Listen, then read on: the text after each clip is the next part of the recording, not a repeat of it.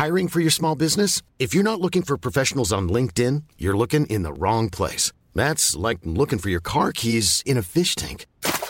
LinkedIn helps you hire professionals you can't find anywhere else, even those who aren't actively searching for a new job but might be open to the perfect role. In a given month, over 70% of LinkedIn users don't even visit other leading job sites. So start looking in the right place. With LinkedIn, you can hire professionals like a professional. Post your free job on linkedin.com slash people today. Mother's Day is around the corner. Find the perfect gift for the mom in your life with a stunning piece of jewelry from Blue Nile. From timeless pearls to dazzling gemstones, Blue Nile has something she'll adore. Need it fast? Most items can ship overnight. Plus, enjoy guaranteed free shipping and returns. Don't miss our special Mother's Day deals. Save big on the season's most beautiful trends. For a limited time, get up to 50% off by going to BlueNile.com. That's BlueNile.com. Hey, Dave. Yeah, Randy. Since we founded Bombus, we've always said our socks, underwear, and t shirts are super soft. Any new ideas? Maybe sublimely soft. Or disgustingly cozy? Wait, what? I got it. Bombus. Absurdly comfortable essentials for yourself and for those facing homelessness. Because one purchased equals one donated. Wow, did we just write an ad? Yes. Bombas. Big comfort for everyone. Go to bombas.com slash ACAST and use code ACAST for 20% off your first purchase. Det här avsnittet är inspelat redan i augusti. Därför kommer tidsenheter att diffa lite för den som lyssnar nu efter valet.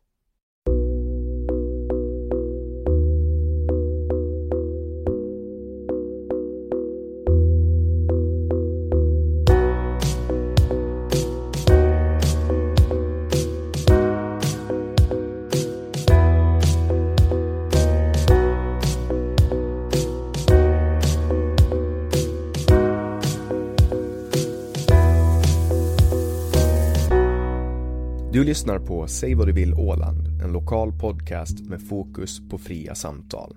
Jag heter Jannik Svensson och producent för podden är Didrik Svan. Vår podd består av mastodontsamtal.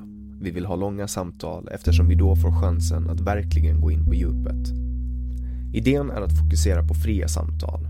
Det här är ingen debatt eller någon form av duell där det finns en vinnare och en förlorare. Det här är ett samtal där vi lägger fördomar åt sidan och där målet är att minska polariseringen. Vi tror att öppenhet är grunden för det demokratiska samtalet och vi vill uppmuntra dig som lyssnare att välja att exponera dig för samtal med någon du inte håller med om, hur triggad du än blir. Det kommer att diskuteras en hel del politik i den här podden och för att du som lyssnare ska slippa tänka på vad jag som programledare står politiskt kommer jag att med egna ord redovisa det för er.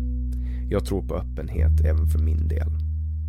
Min politiska bias, mina glasögon och min ideologi är frihetlig liberalism och jag är aktivt engagerad i politiken. Jag kommer att göra mitt bästa för att min partiskhet inte ska lysa igenom mitt uppdrag som programledare i den här podden. Men eftersom ingen människa kan vara objektiv så hoppas jag att ni med den här informationen kan åsidosätta mina eventuella brister och misstag. Det här avsnittet presenteras av Webax, hemsidor och innehåll. Jag heter Jannik Svensson och du lyssnar på Säg vad du vill Åland.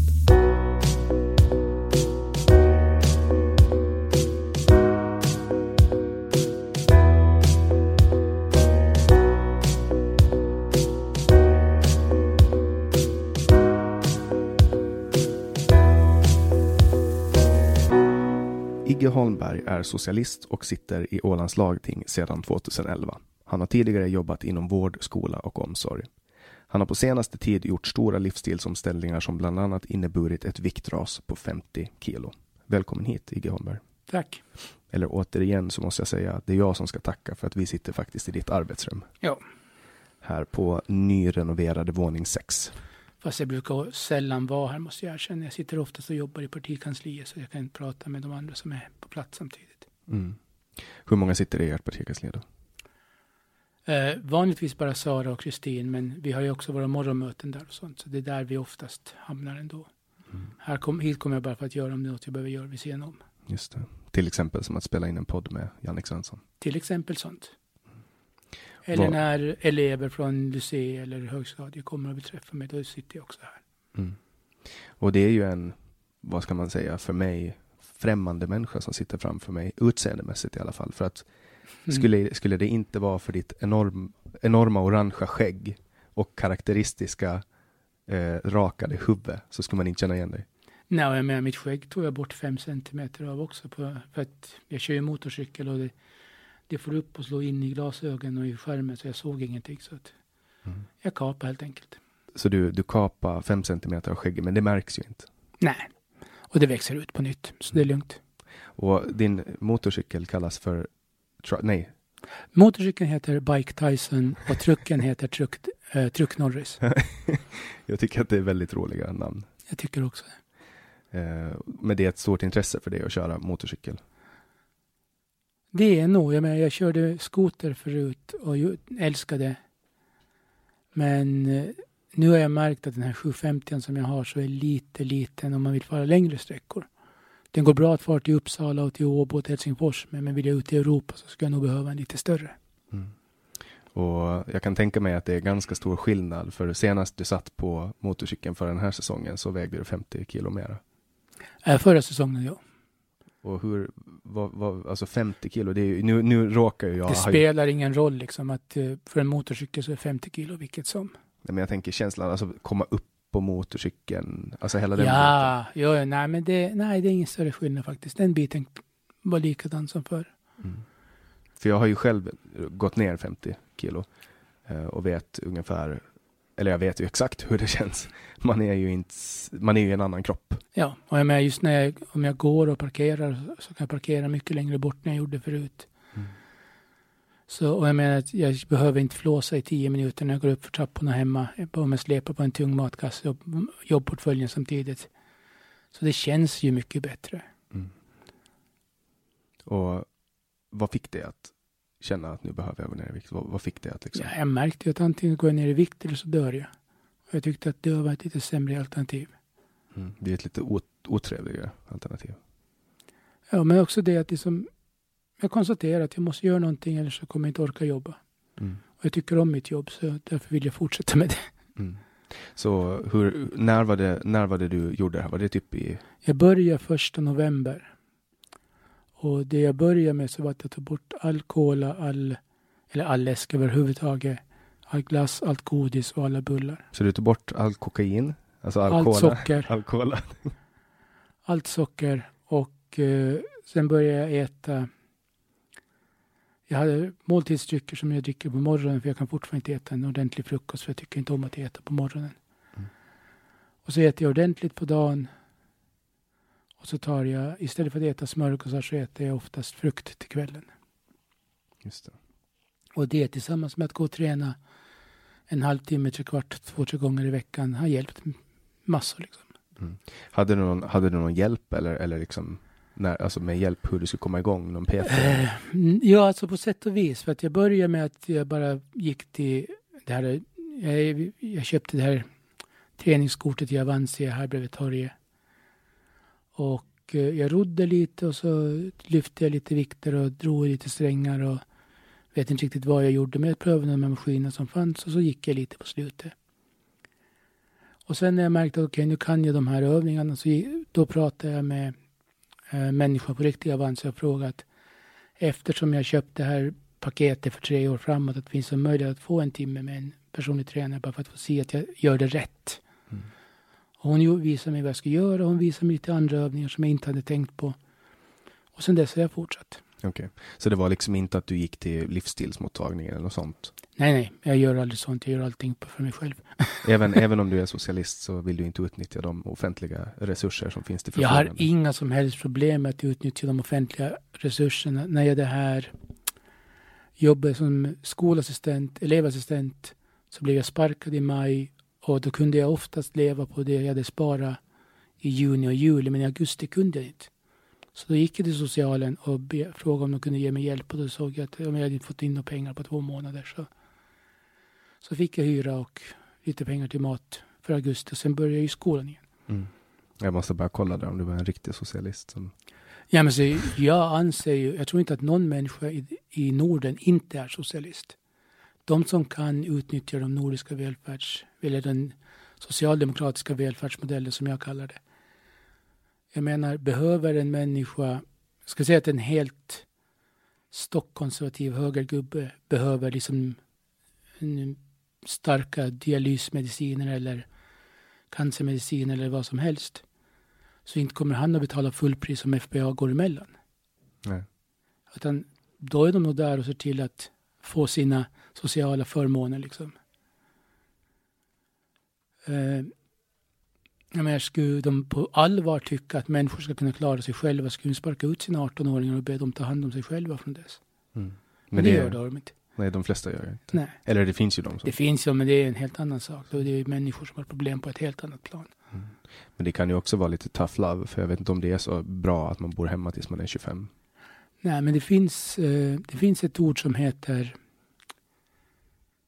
Åh, nu har jag glömt bort det fullständigt. Tänk efter bara, jag kan klippa. Ja, nej men... Aktiveringskoefficienten, eller aktiveringsprocenten. Och det innebär den dag som tre fjärdedelar av en årskull har fast arbete eller... Nej, det är den dag tre fjärdedelar av en årskull har fast arbete. Början av 90-talet var den 20. Nu är den uppe i 27 eller 28. Och det innebär att vi har människor som bor hemma hos sina föräldrar för att de inte har råd med en egen lägenhet. Och de, de kan inte få ett fast jobb på grund av att de bara får så här noll avtalsgrejer eller några timmar i veckan avtalsgrejer som gör att de de kan inte starta en familj, de kan inte köpa ett hus. De kan, det, för det är först när du har ett fast arbete som du verkligen kan ta del av samhället på lika villkor. Då kan du starta en familj och veta att du är trygg i att du har råd med ett hus förr eller senare. Du har råd med en lägenhet i alla fall. Men sen har vi alla de människor som hamnar liksom lite utanför det för de hamnar i ett prekariat där de inte liksom vet hur jag kommer att klara mig om sex månader. Kanske inte som tre veckor. Och det är för dem som all den här gig-ekonomin har dykt upp och den är ju egentligen, jag menar de låter som en jättebra sak men det får ju så förbannat lite. En vän till mig sökte sommarjobb i år. Han är närmare 30. Och för, han, senast han hade ett sommarjobb var liksom när han var 16.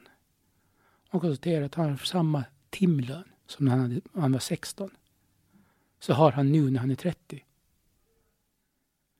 Och då är, då är det ju någonting seriöst fel. För jag menar, inflationen har gått upp, priserna har gått upp, hyror har gått upp. Men lönerna följer inte med. Vad borde man göra åt det då? Höja lönerna. För de styr ju sig själv nu. De styr sig själv i viss mån via förhandlingar och det, det är helt bra. Men samhället blir liksom itutat hela tiden att det finns inte pengar, det finns inte pengar, det finns inte pengar. Ändå går BNP upp varje år. Folk blir rikare, det är bara det att det är bara en liten del av människan som blir rikare. Men Nalle Wahlroos har inga problem med det här. Men skulle man istället taxera Nalle Wahlroos så att han faktiskt måste betala sin del av samhället. Då skulle vi ha en helt annan statsekonomi. För, för nu konkurrerar ju även länder när det kommer till skattetryck. Och de Visst. länderna som har lägre skattetryck har en tendens att få flera höginkomsttagare som flyttar till sig. Visst, och det är ju det jag pratar om, att det, det är ju det man måste komma åt. Och hur ska man komma åt det då? För att folk kan ju fortfarande flytta. Jo, och varsågod, men det som... Eh, det som no någon ledare i Ålandstiden sa att det är helt okej, det är bra att folk använder skatteundantag och betalar så lite skatt de bara kan, för det är helt lagligt. Jo, det må vara lagligt, men det är inte rätt. Mm. För där finns det ju alltså olika sätt som man kan, och, det har ju även skattemyndigheternas lagstiftning tagit i beaktning. Att man, man kan planera skatter. Eh, och nu på något sätt har det ju blivit fullt att planera skatt, men det kan ju också handla om, alltså tar man ena extremen så kan ju det vara att ja, folk skattefuskar eller flyttar pengar. Men andra kan ju vara att ett företag betalar mindre skatt och därför har de mer att återinvestera i företag och på lång sikt så får flera människor jobb. Och det är ju så det borde fungera. När Finland blev starkt, alltså efter kriget, när vi byggde upp en hel infrastruktur, när vi byggde upp fabriker, när vi byggde upp telefonnät, när vi byggde upp ja, hela den välfärd vi har nu. Då var marginalskatten på företag 89 procent. Så då måste man alltså investera Då måste du återinvestera i företaget för att, eller du måste inte. Men om du inte gjorde det så betalade du 8,90 på varje 10 mark. Vad är marginalskatten idag då? Jag tror den är på runt 30 eller 15 i värsta fall. Eller det kan, det kan vara 20-30 men i alla fall den har gått ner fruktansvärt mycket. Och det ser jag också som ett tecken just att förr när statliga telebolaget Telia behövde bygga ut telenätet så behövdes det riktiga kopparvajrar som skulle dras till varje stuga för att de ska kunna få en telefon. Nu när det egentligen behövs ett par radiostationer och för alla har liksom mobiltelefoner, då har det plötsligt sålts ut till privata. Så det är ofta så att eh, det som är vägarna, staten bygger liksom allt det offentliga. Men vinsten ska sen gå till privata initiativ. Du menar alltså att staten borde få mera Staten vinst? borde bolagisera, eller borde liksom förstatliga massor med gamla tjänster som de hade förut. Men där vet man ju också att effektiviteten minskar i statliga bolag därför att staten är inte bra på att driva bolag. Vet man det? Jag har inte en sån tanke. För att det, jag menar, det är skillnad på att driva ett bolag för att folk ska få det bra eller driva ett bolag med vinst. Ja, alltså det ena är ju att bolaget går dåligt och det andra är att bolaget går bra. Nej, det ena är att bolaget går runt. Att man tar ut de avgifter man behöver av människor. Det andra är att man sätter ett vinstkrav på ett offentligt bolag. Vilket betyder att då måste man ta ut mer pengar än vad det egentligen kostar. Mm. Jag har ju en... Alltså, Jo, jag vet Min- att min- det, det är inte alla som håller med om det här och Nej. det är fullt det- för mig är det en jättekontroversiell åsikt. Att, alltså, ehm, för att alla vet ju, åtminstone i den bubbla jag finns i, att staten är skitdålig på att, på att ha företag. Ja, men det, är ju, det här är ju en myt som nyliberalister har spridit sedan Reagan och Thatchers tid. Att, jag menar, Thatcher sa det finns inget samhälle, det finns bara familjer. Och det är ju skitsnack. Det är ju bara att se på hur folk tar hand om varandra om det händer någonting. Men det jag vill säga är liksom att jag skulle jättegärna se en statsbank igen. Som inte behövde gå med vinst. Den skulle bara trycka pengar, du skulle kunna sätta in dina pengar där. Du skulle få en ränta på samma sätt som i andra banker. Men banken behövde inte trixa och fiffla och skapa pengar ur ingenting. Mm. För pengarna skapas ju idag när människor tar lån. Ja, alltså pengar skapas av lån. Men en bank som får in, eh, säg att jag tar ett lån på 50 000. Då har banken rätt att låna ut 250 000 på de pengarna. Mm. Var kom de andra 200 000 ifrån? De skapades ur ingenting.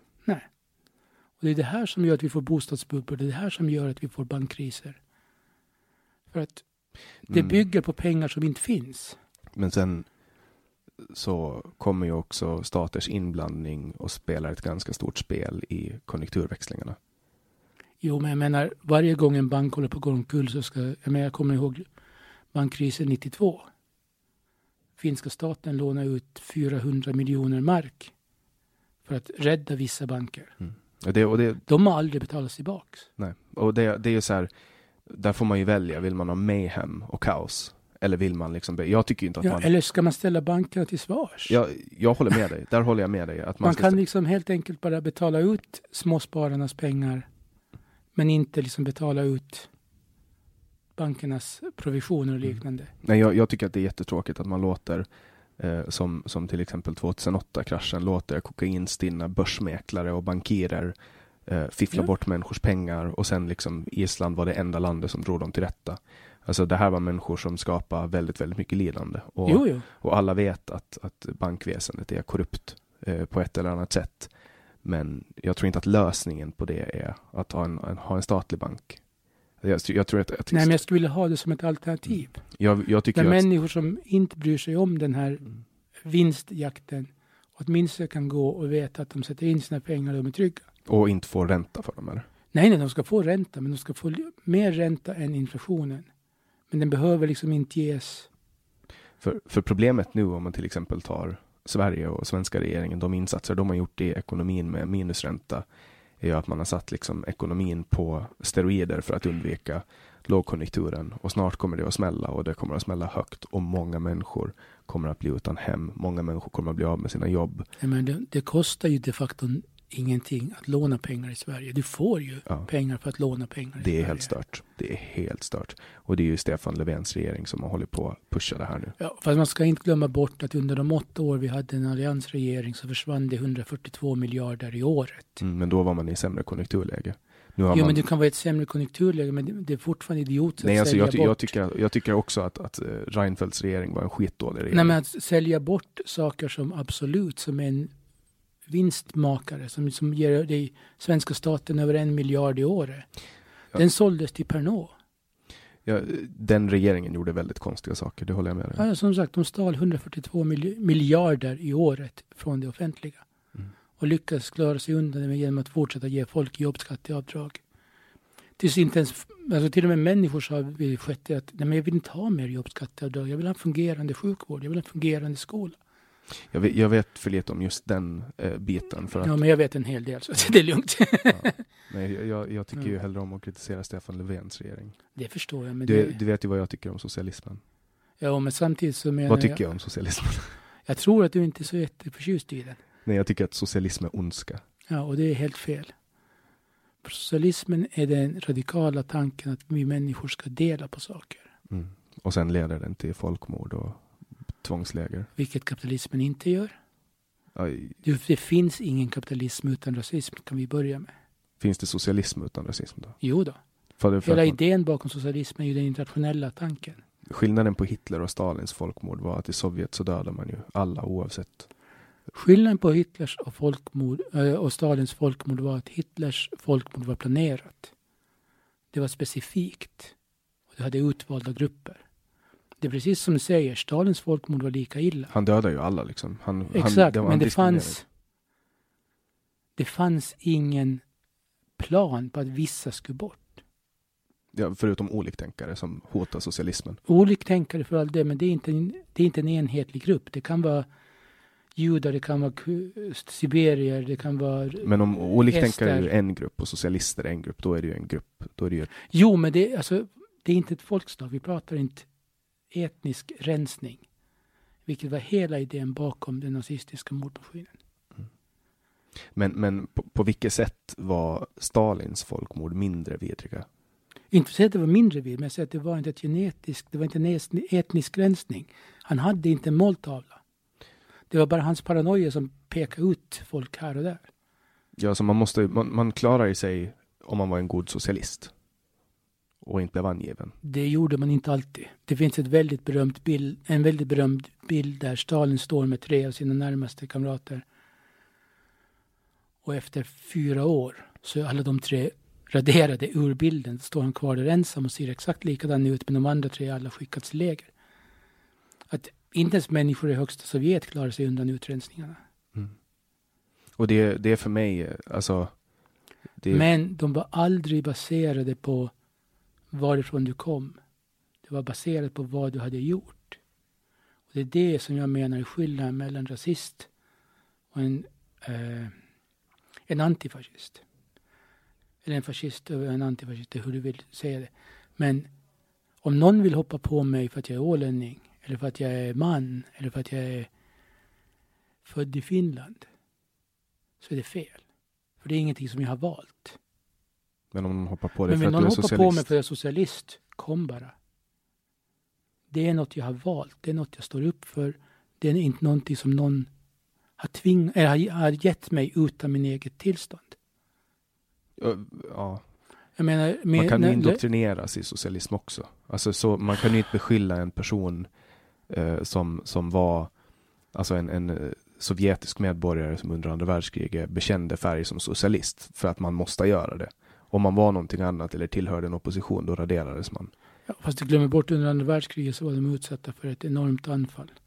Vilket gjorde att de flesta blev patrioter väldigt fort. Och de ledde ju väldigt många anfall också. Jo, jo. De var ju, Ryssland var ju, alltså man tog ju inte hand, alltså så så här, man kan ju vrida och vända på det hur mycket som helst, men alltså Hitler tog hand om sina trupper, det gjorde inte Stalin. Och, Fråga dem i Stalingrad om det. Ja men, jag vet inte, Stalingrad, hela slaget vid Stalingrad var ju bara på allt på... eh, Hela i Stalingrad var det som knäckte den tyska armén. Det var det som gjorde vändningen av hela kriget. Vad är skillnaden på kommunist, kommunist och socialist? Som jag brukar säga det är att kommunismen tror på proletariatets diktatur. Och jag menar att även om det är proletariatets diktatur så är det fortfarande en diktatur. Socialismen tror bara på ett internationellt samarbete. För, Det är det här som jag tycker är så skojigt. Att jag har varit i princip hela eh, organisationsfronten på vänstersidan men jag har aldrig varit kommunist. Och ändå är det det man slänger åt mig i Ålandstidningens eh, insändarspalter och liknande. Att den där kommunisten Nicke Holmberg. Men snälla, det är den jag inte har varit. Kalla mig anarkist, kalla mig syndikalist, kalla mig socialist. Fair enough. eh, väldigt många har ju jättesvårt, att, och inklusive jag, att dra skiljelinjen mellan socialist och kommunist. Just, men det är inte vårt problem. det är som att säga, nej men jag har jävligt svårt att ta skillnad mellan AIK och Djurgården. Nej, men för jag tror också att, att ur ett enklare perspektiv, om man förenklar det jättemycket, att varje land som inför socialism, där går saker åt helvete. Folk dör, det, eh, in, in, förbud, förbud införs och ekonomierna kraschar och sen börjar folk lida av hungersnöd. Ta en titt på Kuba. Där de har haft bättre hälsovård, bättre mat, bättre sjukvård än något annat centralamerikanskt land. Men Kuba är en kapitalism. Om du kollar på Numera ju. Jo, men kolla på deras svarta marknad som alltid har funnits. Det uppstod en spontan kapitalism och man hade till och med agenter inne. Jo, men du hade under eh, Katrina-krisen i USA hade du Kuba som stod redo med 1800 läkare och sköterskor. Och så, bara ner oss in tillstånd kommer vi och hjälper er. För Men- de har den mängden utbildad personal. Men jag menar, Men sen kan du inte resa vart du vill om du är från Kuba. Du har liksom inte de här grundläggande nej, friheterna. det är och, sant. och samtidigt så har du liksom, du har en bilpark som är från 50-talet Men för du kan inte resa vart du vill om du är från USA. Du kan knappt byta stad om du vill. Om du inte har råd med det. Men det handlar om, om den frihet man föds in i. Föds man i Kuba då är man inte fri. Även om man är utbildad läkare så är man inte Föds du i fri. en fattig stat i USA är du heller inte fri. Men, men Kuba kan inte vara en riktig socialism i och med att det uppstår en svart marknad. Alltså Kuba skulle inte ha klarat sig utan sin svarta marknad. Det är svårt att tänka mig också. Men grejen är ju den att av kubanska det spelar ingen roll. Utan idén är att vi har inte haft en riktig socialism någonstans med tanke på att vi fortfarande haft diktatorer i de länderna. Ja, alltså Kuba är ju ett exempel som man ofta framhåller som lyckat, även om det inte är varken en socialism. Jag säger inte att det var lyckat, jag säger att det var mer Mm. lyckat än de andra länderna i Centralamerika på den tiden. Men ska vi ta Venezuela då som exempel? Venezuela funkar jättebra ända tills oljepriset sjönk. Och varför sjönk oljepriset? Det vet jag, men samtidigt vet jag också att eh, det finns mycket annat som har hänt där som inte har med landet i sig att göra. Idén är fortfarande att socialismen är den radikala tanken på att människor ska dela på saker. Mm. Att saker tillhör de som behöver dem mest. Och att människor som bor i ett samhälle ska betala in sin del, eller vad de kan, till det samhället och få det de behöver från det samhället. Det är socialismen, punkt. Här i Norden har vi lyckats bäst i världen med socialism. Det har också mycket, tror jag, att göra med liberalism. Det kan du tycka, men det är inte liberalismen som har gett oss åtta timmars arbetsdagar. Det är Men- inte liberalismen som har gett oss fyra veckors semester. Alla de sakerna som sjukförsäkringar, offentlig dagvård, det har folk dött för. Men det är ju samma Tro sak. mig, det var inte liberalerna som tog, gjorde de grejerna, utan det var socialister som gjorde dem. Och sen tog borgarna idéerna och sa att jo, men det här är jättebra, det här tycker vi att vi ska göra. När de kom på att folk ville ha dem. För liberalismen har gett människor frihet att uttrycka sig och uttrycka sin kreativitet på ett sätt som har skapat innovationskraft och välstånd på ett sätt som mänskligheten inte har sett innan. Utan liberalismen, det som är grunden, nu pratar jag inte om den politiska ideologin, utan den, det spontana driften som människan föds med. Att vara kreativ, att eh, uppfinna saker. Utan det så skulle inte vi överhuvudtaget ha rösträtt och människor har dött för den friheten också. Men Ja, ju, men rösträtten är också någonting som socialisten skapar. Vi, det var liksom, rösträtten kom från arbetarklassen. De var trötta på att inte få sin röst och sin makt hörd. Jag tycker det är superspännande att, att ta det här samtalet för att Jag jag har ju som sagt, eh, du vet ju var jag står i den här frågan. När det kommer Det är till... därför det är så idiotiskt att prata med dig. För du, du kommer inte att ändra dig. Nej, jag kommer inte undra mig. Och Men jag, jag tycker jag fortfarande- samma sak. Liksom, jag pratar med NMR och jag förklarar för dem. Men du är dum i huvudet. Det finns ju inte. Jag menar, mina sy- tre systersöner. Deras far är från Guatemala. Deras mamma är från Åland. De är födda och uppvuxna i Sverige. Det enda de kan är svensk fotboll, Karl-Bertil Jonssons julafton och Kalle Anka på julafton. Och har bara bott i Sverige hela sitt liv. Och så frågar man de här killarna, är de svenskar? Nej. Okej, om de inte är svenskar, vad är de? Och då blir de tysta. För de är inte guatemalaner.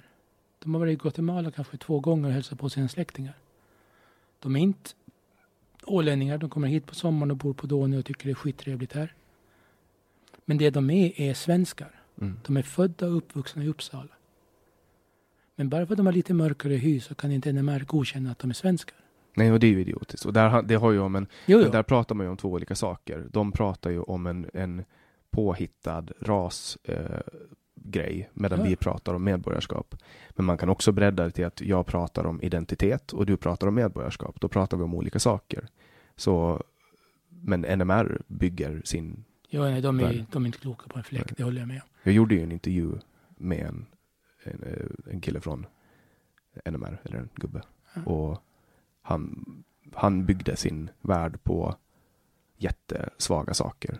Alltså, han, han pratade liksom om den judiska världskonspirationen som att han hade eh, all fakta på bordet. Och så fort jag ifrågasatte hans argument och han inte kunde svara på det så svarade han att judarna gör mycket konstiga saker för att förvirra.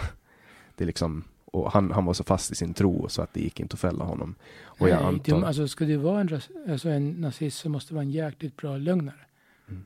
Du kan inte säga förintelsen har aldrig hänt. Och sen i nästa mening säga, men nästa gång kommer makten ska vi gasa sex miljoner till. Mm. För det är liksom det de säger. Mm, det, han, det han sa när jag frågade om, om det här var att han, han tycker att, att alla kan, det, man behöver inte mörda folk utan alla kan bo i sina egna länder och leva i harmoni och att man kan resa till varandras kulturer. Mm. Det lät ganska mysigt och så, men så brukar eh, extrema idolo, ideologier låta. Deras utopier låter mysiga. Ja. Lyssnar man på saker som nazister säger så finns det vissa bra saker de säger. Därför att de kan bry sig om människor, så länge det är deras eget folk då såklart. Ja. Eh, och, och det låter inte helt fel att säga att man bryr sig om vård och skola och hela den biten. Men det jag tror att blir farligt är när man vägrar lyssna på någon för att de är av en viss åsikt. Därför att då tar man inte deras bra poänger ifrån dem. Om man, om man tar deras bra poänger ifrån dem, då har de bara dåliga poänger kvar. Vi byter ämne. Vi kan hoppa tillbaks till viktnedgången. Okej. Du börjar i november. Jag började första november och då gjorde jag det. Och grejen var, jag har ju försökt ett par gånger förut, gått ner en 5-6 kilo och sen bara tröttna. Så nu tänkte jag att okej, jag gör det offentligt. Jag startar en Facebook-sida, jag pratar med mina vänner, jag pratar med tidningarna.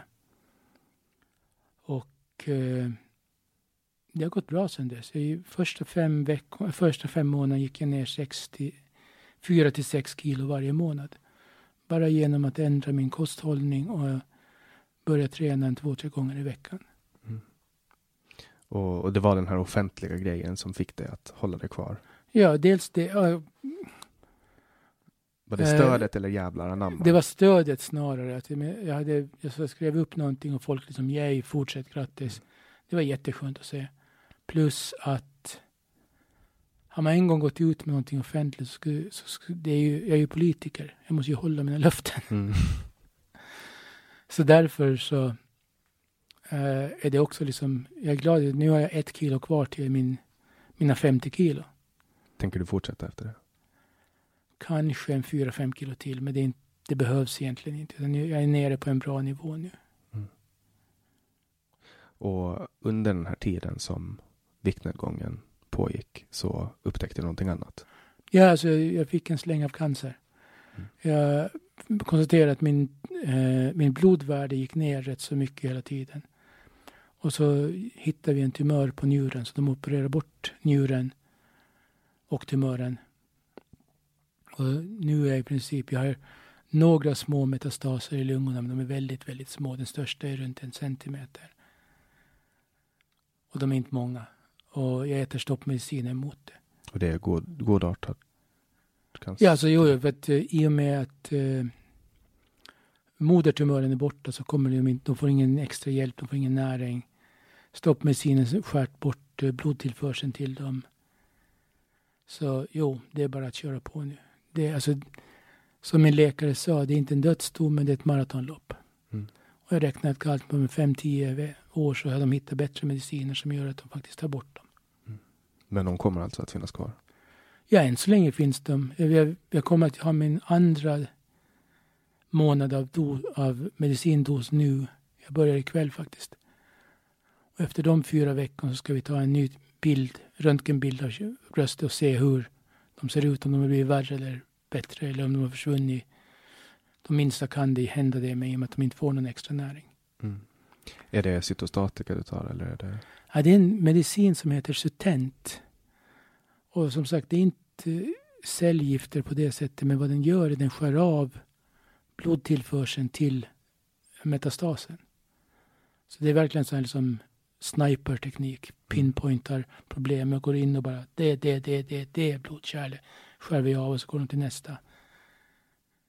Jag blir lite trött av dem och maten smakar lite sämre efter ett par veckor men inga andra biverkningar. Så det men där kan man ju också säga liksom fördelen med att leva i ett socialistiskt samhälle är att fyra veckors medicin kostar 5 463 euro och några cent. Mm. Jag betalar 1,52 för att FPA tar resten. Mm. Och det skulle ju inte hända. Bodde jag i USA så skulle jag vara död. Eller okej, okay, jag skulle inte vara död, men jag skulle inte ha råd med medicinen i alla fall. Du sa om 5 till 10 år så kommer det mediciner som kan Ja, inte vet jag, Du men, tror- men, men folk ger ju pengar till cancerforskning hela tiden. Så att Mm. det är en av de få saker där saker faktiskt går framåt väldigt fort. Vad händer om, om det inte finns en sån medicin? Då fortsätter jag äta de här Sutent-medicinerna och håller kvar dem på samma nivå som de är nu. Hur, hur fick ni reda på att du hade en tumör? Eh, mitt blodvärde, jag har varit blodgivare i många år sedan jag var ja, 18 i princip. Och eh, nu visar det sig att mitt blodvärde gick från 165 till 157 till 154 till 152 till 146 och så vidare ner, ner tills det kom till 134 och jag inte längre fick ge blod. Och då blev jag skitsur och gick och frågade liksom i läkare vad ska jag göra? Och då visade det sig att om man får do, eh, blodbrist så finns det tre olika medici- eh, sjukdomar du, som kan göra det här. För njurtumörer tar, och, och det, det, hela, deras, hela deras idé är att de stoppar järn för att gå in i blodet. Så du har lika många röda blodkroppar som alla andra men de istället för att vara välfyllda blåbär så är de små skrumpnade blåbär. Och min läkare sa okej, jag har inga symptom för de andra två så det måste vara det här. Så att de skickar mig till akuten och efter en magnetröntgen på hela kroppen så konstaterade de att jo, jag hade en tumör. Men det hände den 29 april och inom, inom en månad, den 24 maj, så var den bort, bort, borta. Visste de någonting om ditt läge? Sa de i början? Alltså, fick du gå i ovisshet om du skulle överleva eller om du skulle dö?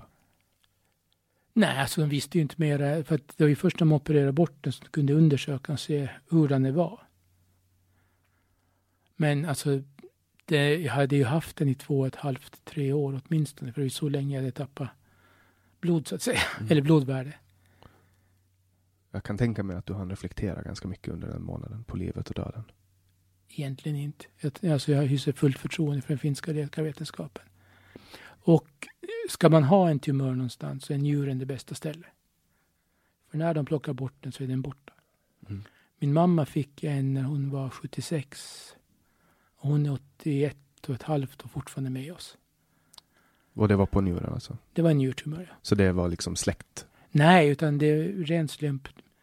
Men det finns, alltså det, det finns mängder av människor som har fått en njurtumör och som lever helt bra vidare. Så det är ingen fara. Mm. Som jag sa, det är inte en dödsdom, men det är ett maratonlopp att bli frisk.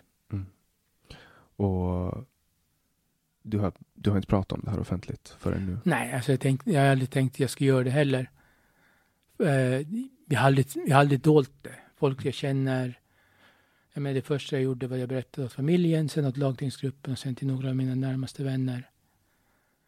Och när det blev lite längre tid att vänta så, och folk började undra varför jag var sjukskriven så berättade jag liksom varför jag var det. Så jag gjorde en hemlighet av det, jag har bara inte gått ut offentligt med det. Mm. Men nu gör du det? För, Ja. att, för att jag frågade om du ville göra För att det? du frågade om jag skulle göra det. Jag menar, som sagt, jag har inga större problem med det. Men. Det är inte en stor grej. Jag tror att många undrar. Ja, men det är inte en stor grej. Menar, jag har cancer, punkt. Men det är inte någonting som definierar mig. För um, folk har ju pratat liksom och, och det har ryktats om att du kanske inte kommer att överleva. Jaha, nej, nej. Det, den idén är borta liksom. Jag, jag kommer att klara mig hur bra som helst i åtminstone 10, 20, 30 år till. Och jag tror att väldigt många kommer att bli glada över att, att höra det. Jag framför allt. Ja, Du skulle ju vara den som led minst av att du dog, så att säga. Det skulle vara ganska, alltså, Ja, det är lite som när man är dum. Man känner inte till det själv. nej, exakt. Så du tror inte att det finns ett efterliv då, antar jag? Nej, jag är socialist fortfarande. Och socialister tror inte på Gud? Religionen är ett opium för folket. Och, Sen finns det andra socialister som tror på Gud. Ja, men det finns ju en Svenska socialdemokrater har ju till och med brödraföreningen för sådana som är kristna och socialdemokrater. Men nej, det, det är en, helt enkelt en myt som folk har. Man kan prata om nordisk my- mytologi, man kan prata om grekisk mytologi eller man kan prata om judeo-kristen mytologi. Mm. Det är sagor alltihop. För sen finns det ju, om man kollar på forskning, så finns det ju en funktion med Gud också. Eh, med andlighet i alla fall. Att man får mindre ångest om man har tro på någonting. Förvisso, men det är en falsk ångest. Ja, ångesten, Det är bara att se på hur alla de amerikanska politikerna sänder thoughts and prayers. ja, Och hur mycket har det hjälpt någonsin? jag tror inte att det hjälper så mycket. Jag tror att det, thoughts and prayers är en grej som man gör för sitt eget egos skull. För att eh, Ja. säga, tänk på mig idag. När det har hänt någonting hemskt. Men, men samtidigt så, eh, du vet när man brukar ju säga det att, att i ett kraschande flygplan så tror alla på Gud. Nej. Ska du, så du ska inte ens be en liten bön om du höll på att krascha till din Nej. död? Jag gjorde det när jag fick cancer. jag tror på vetenskap. Kan, så fort någon bevisar att Gud finns, väl bekomme. Och det skojiga är att jag menar, de flesta människor är ju åtminstone inskrivna i kyrkan fortfarande. Jag skrev ut mig när jag var 18. Men jag brukar säga åt dem att de är bara lite mindre ateister än jag är. För de tror inte på 3799 gudar. Och jag tror inte på 3800. Eh, Då kan vi ju hoppa tillbaks till Israel. Du gick in på Israel tidigare. Ja. De har ju startat en, efter andra världskriget så instiftades ju staten Israel som är en judisk stat. Ja, från början var det ju staten Palestina eftersom det var ett brittiskt protektorat. Och eh, sen dess så har ju israelerna tagit över 85-90 procent av marken. Brunnit ner palestinska mark, eh, palmdundar och hus och skövlat byar och tagit liksom ockuperad mark från Västbanken och liknande byggt nya bosättningar på. Och det senaste de lyckades göra var ju att förklara att Israel är en judisk stat och att araber är andra klassens medborgare. Så Israel är en apartheidregim från början till slut. Så du är pro-Palestina i den ställningen då? Jag är egentligen pro-BDS. Boycott, divest, eh, sanction. Att jag tror inte på... Jag menar, man, när Sydafrika höll på på 60-talet så var alla socialister ute och bojkottade dem och såg till att man inte kunde sälja vapen eller bensin till dem. Det var enbart Shell och BB, BP som sålde bensin till Sydafrika. Eh, och man var väldigt tydlig med att man bojkottade sydafrikanska varor. När det kommer till Israel så är det plötsligt, nej men det kan man ju inte göra, det är det är ju den enda demokratin. Men är det en demokrati? När du har folk instängda i utomhusläger som kan bombas när som helst. Vem bombas de av? Israeliska militären och flygvapnet. För de går väl inte i attack på folk? Gör de? Snälla. Klart de gör. Som jag har förstått det så gör inte de offensiva flygattacker. Numera i alla fall. Nej, det är vad de kallar dem. Men man kan ju ställa sig frågan om det kommer en eller två raketer flygande som inte kan skada en människa, som kan skada en med stor tur, att de träffar någonting. För de flesta når ju inte ens över de långa murarna som de har. Och svaret är liksom en skvadron av F-15 som kommer och släpper napalm över byar. Konsekvensverkan rimlig? Nej. För det finns ju, alltså det är ju väldigt många, nästan dagligen, raketer som skjuts från Israel sedan över. Och de siktar ju ofta i, alltså, när det är väldigt mycket trafik. Ja, först av alla de som skickas iväg så når ju en promill fram. De har ju, de har ju ett in, specialinköpt missilförsvar från USA. Men Israel skulle inte finnas om de inte fick 38 miljoner, eller biljoner tror jag det är i år, från USA. Så jag vet inte, jag ser det som en ren mä, mänsklig handling igen. Du behandlar människor olika på grund av var de är födda eller vilken ras de tillhör. För alla, om jag har förstått det rätt så får ju alltså alla från Palestina bosätta sig i Israel. Det stämmer inte. De flesta får inte ens pass att komma in och jobba. Och har de ett tillstånd att komma och jobba så kan det tas bort när som helst bara genom att de stänger gränsen. För den, den här frågan känns som att det finns väldigt många olika sidor av den. Jag har förstått att folk från Palestina har fri tillgång till att bosätta sig i Israel. Så ja, länge man inte tillhör en terror. Som sagt, fortfarande ligger du i det faktum att man bygger bosättningar på ockuperad mark. Man har brutit mot om det är 162 av, av FNs resolutioner. Men Saddam Hussein bröt mot en av dem. Och de invaderade hela, hela Irak. Det är sån skillnad på folk och folk. Men där vet man ju att det var ju kanske inte för att han bröt mot en resolution som... Nej, nej, men det var ursäkten. Israel har brutit mot 162. Åtminstone. Det kan vara en väldigt gammal siffra. Mm. Saddam, Saddam Hussein hade ju fiender i högre ort om man säger så. Ja. Han, var, hade ju, han var ju ovän med folk i USA och de jo, hade jo. väldigt mycket att vinna på det. Men hela den konflikten är, den är ju väldigt svår att, att förenkla och, och, jag tror inte att det finns någon, eh, och så är det nästan i alla polariserade frågor, ur mitt perspektiv i alla fall, att det finns liksom ingen eh, varken det svarta eller det vita har rätt, utan det är alltid någonstans i det grå. Fast samtidigt kan man då säga att det är bara att se på mängden land som Israel har lagt under sig sen Balfourdeklarationen och sen FNs tvåstatslösning som sa att så här mycket ska bägge staterna ha. Och nu har som sagt 45, äh, redan då hade liksom 50 procent av Israel, förs Palestina försvunnit och nu har de tagit 45 procent till. Så det igen, för mig är det helt enkelt en fråga om att du behandlar människor olika varifrån de kommer eller hur de ser ut. Saker de inte kan göra någonting åt. Och det är ren rasism. Sen att det är judisk rasism, det är en helt annan sak. Mm. Ja, sen är det ju också, det finns ju väldigt mycket rasism mot judar. Förvisso, och jag menar, den är jag lika mycket emot. I och med att jag som sagt är en gammal, alltså jag fick min start inom husockupantrörelsen och antifascismrörelsen och har flera gånger stått öga mot öga mot nazistiska demonstrationer. Oftast preparerade av miljontals med poliser för att det är så de fixar det. Men idén är fortfarande att du kan inte bestraffa människor för var de bor eller var de kommer ifrån eller vad de är.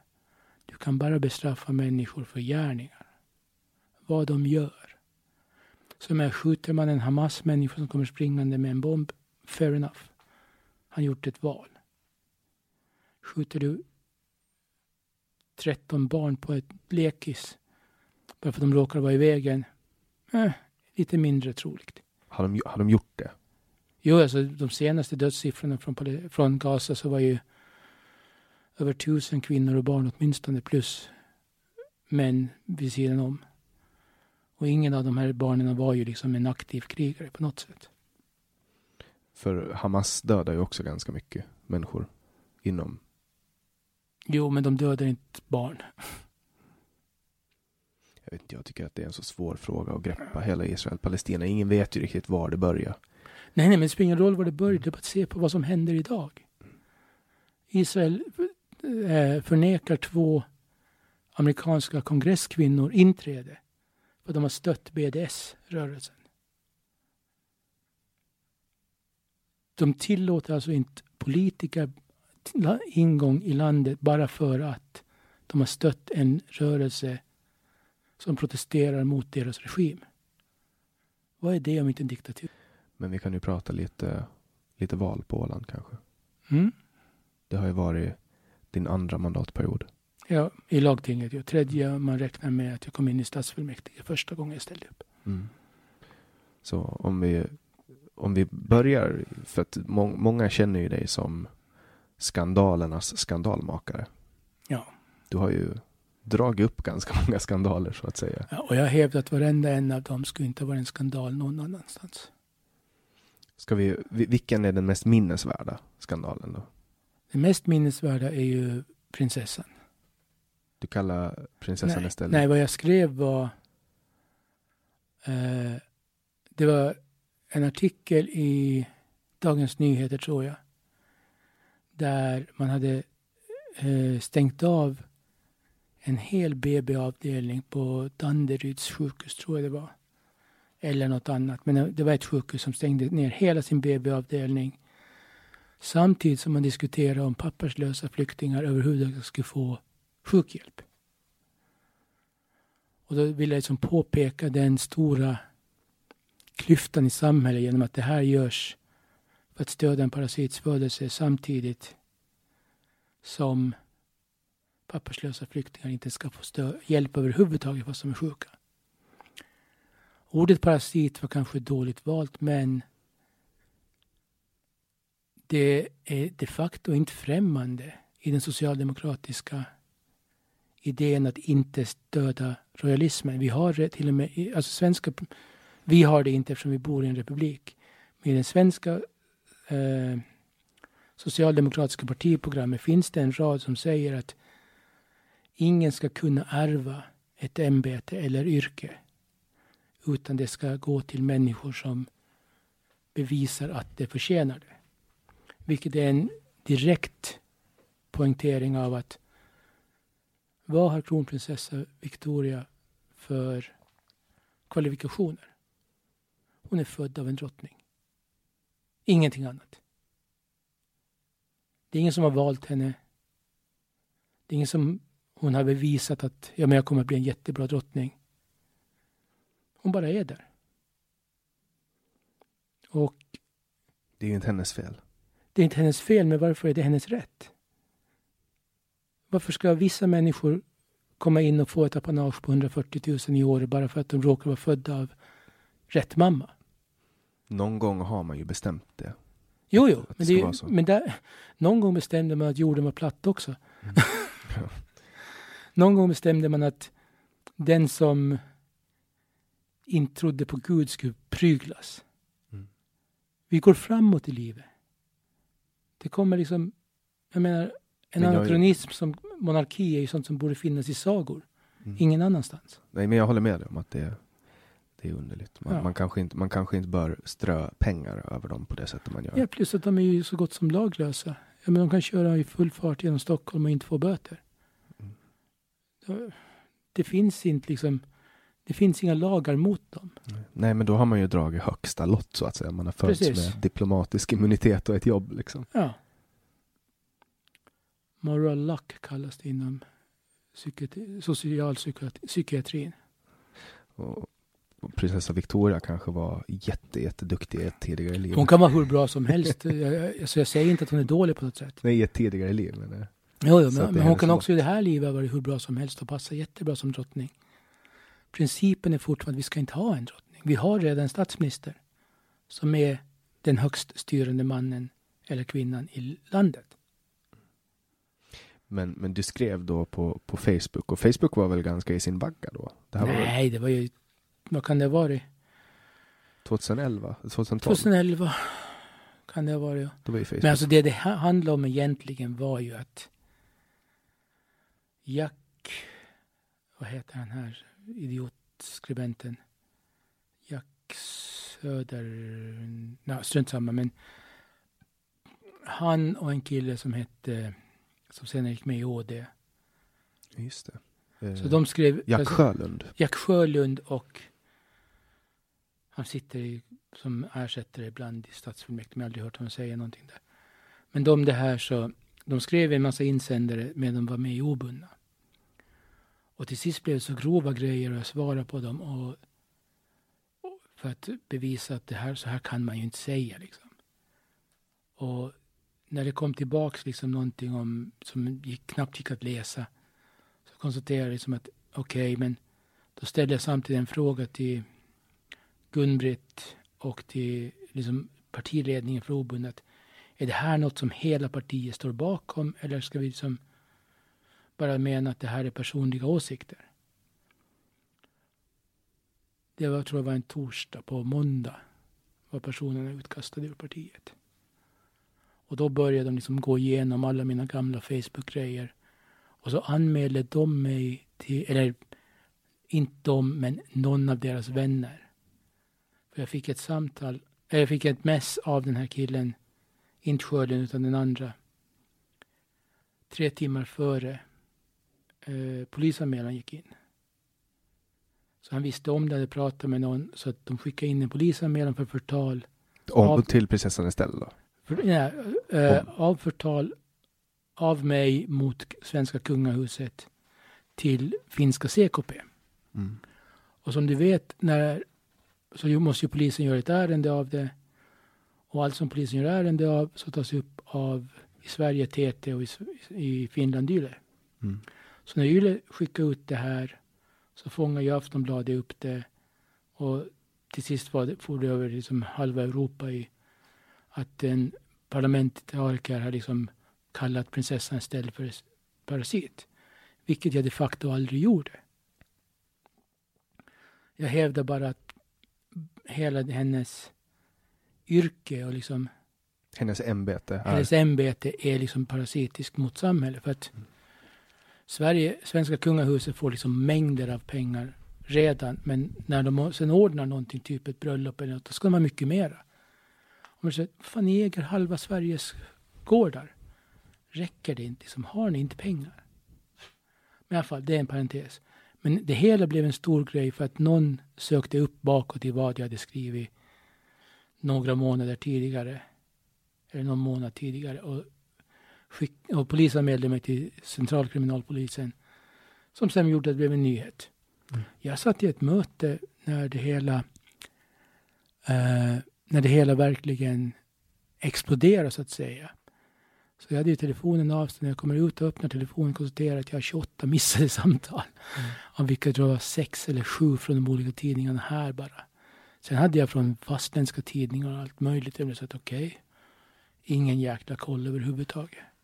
Vad, vad, vad kände du då? Vad? Nej, jag fattade ingenting. Liksom jag bara sa ja, okej, fair enough. Och så ringde jag och pratade med eh, Niklas Lampi var det då, Polenstidningen. Och frågade hej, kan du komma in? Vi skulle göra en grej. Okej, vad gäller saken liksom? Ja, det här uttalandet om prinsessan Estelle som parasit och sånt. Jag tänkte fair enough. Jag gick dit, jag berättade klart vad det hade hänt. Och dagen efter var det fem sidor om prinsesskandalen. Och väldigt lite av vad jag hade sagt kom fram överhuvudtaget. Det var mest fokus på vad de utländska medierna hade sagt. Det var mest fokus på att bara liksom jäklas med mig och jäklas med partiet. För vi hade ju blivit det största partiet. Camilla satt, Camilla satt som lantråd. Och folk var inte vana att ha Socialdemokraterna i regering. Och jag, jag vet liksom, det var så många attacker på mig i Ålandstidningen det året. Och jag menar, saker som egentligen inte borde ha nått en nyhetströskel någonstans så hamnade jag upp bara för att det var jag som gjorde det. det kom ju mycket efteråt. Jo, jo, jag hävdar fortfarande att det, det mesta var ett storm i en vattenglas. Och det tycker jag fortfarande. Jag tänker liksom inte, jag, jag har inte hamnat i bråk på jättelänge nu för att jag, jag pff, antingen så har folk förstått sig vad jag menar eller så är det bara inte delar samma sorts saker med, inte vet jag. Men det är inte att jag liksom ändrar mig för att jag tycker att det, det är fel det jag sagt tidigare. Jag bara vet numera att folk missbruk, äh, missan, äh, missförstår och använder det som det jag säger till totalt fel saker bara för att de vill göra det. För att de vill skada mig, de vill skada partiet. Mm. Men, men du kan själv se att det med parasitformuleringen kunna misstolkas? På jag kunde ha ju sagt det tydligare på ett annat sätt och, och inte liksom haft det. Jag, kunde inte, jag behövde inte använda ordet parasit, men det var uppriktigt sagt en kropp som föds av samhällspengar som inte gör någon nytta överhuvudtaget. Det är vad jag kallar en parasit. Mm. Och som sagt, jag anser att monarki överhuvudtaget är en anakronistisk sak som inte borde finnas i den här tidseran överhuvudtaget. Mm. Lite som jag gör med kyrkor. Men sen har du ju, du har ju råkat i, i, i, i blåsväder för saker du har delat på Facebook. En gång hade du på dig en keps som det stod... Uh...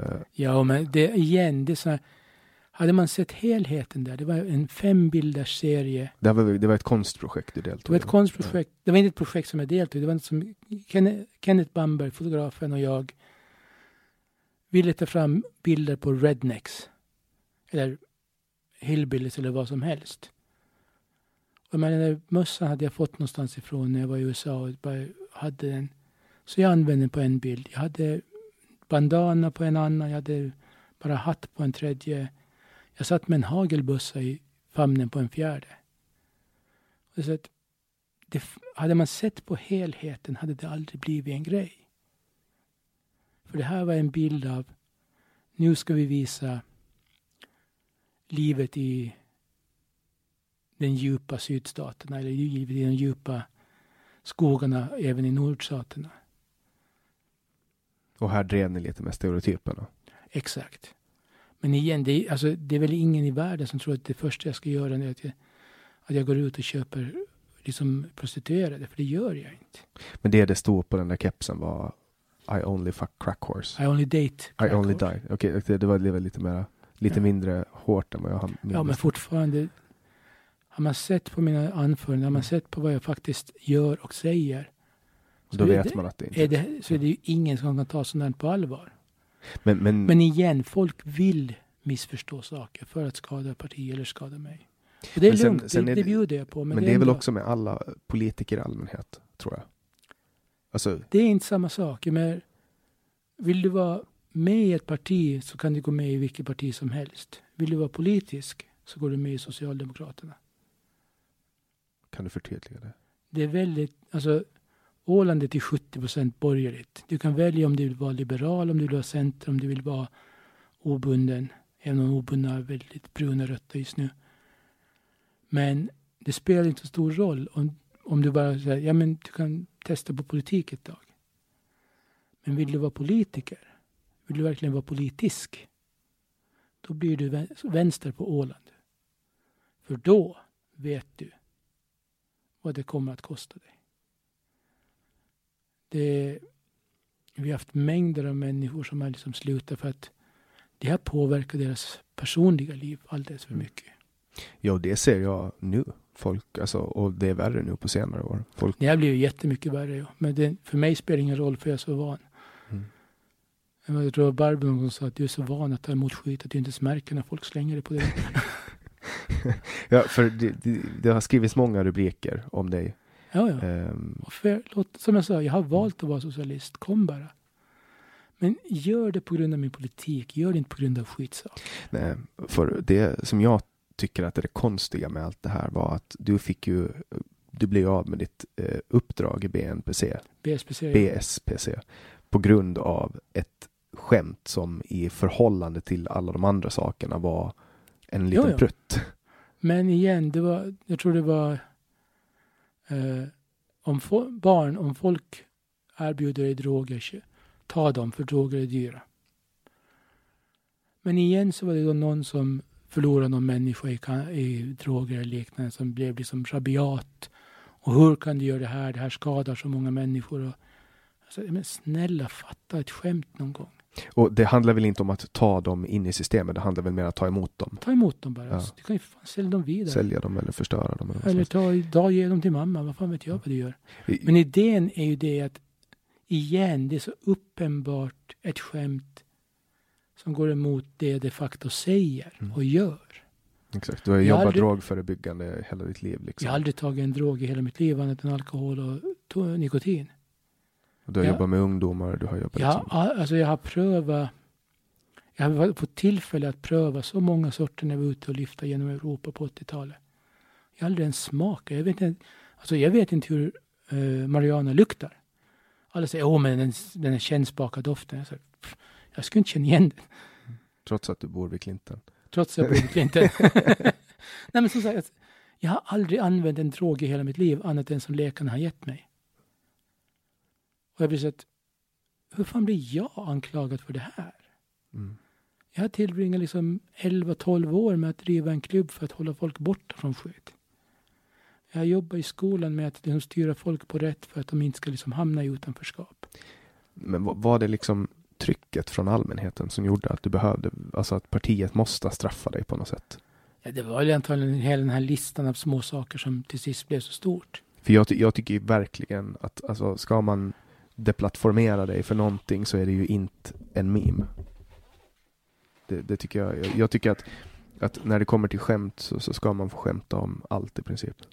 Jag håller i princip med, men jag menar, till och med jag har svårt att se liksom det roliga i folk som skämtar om rasism och nazism.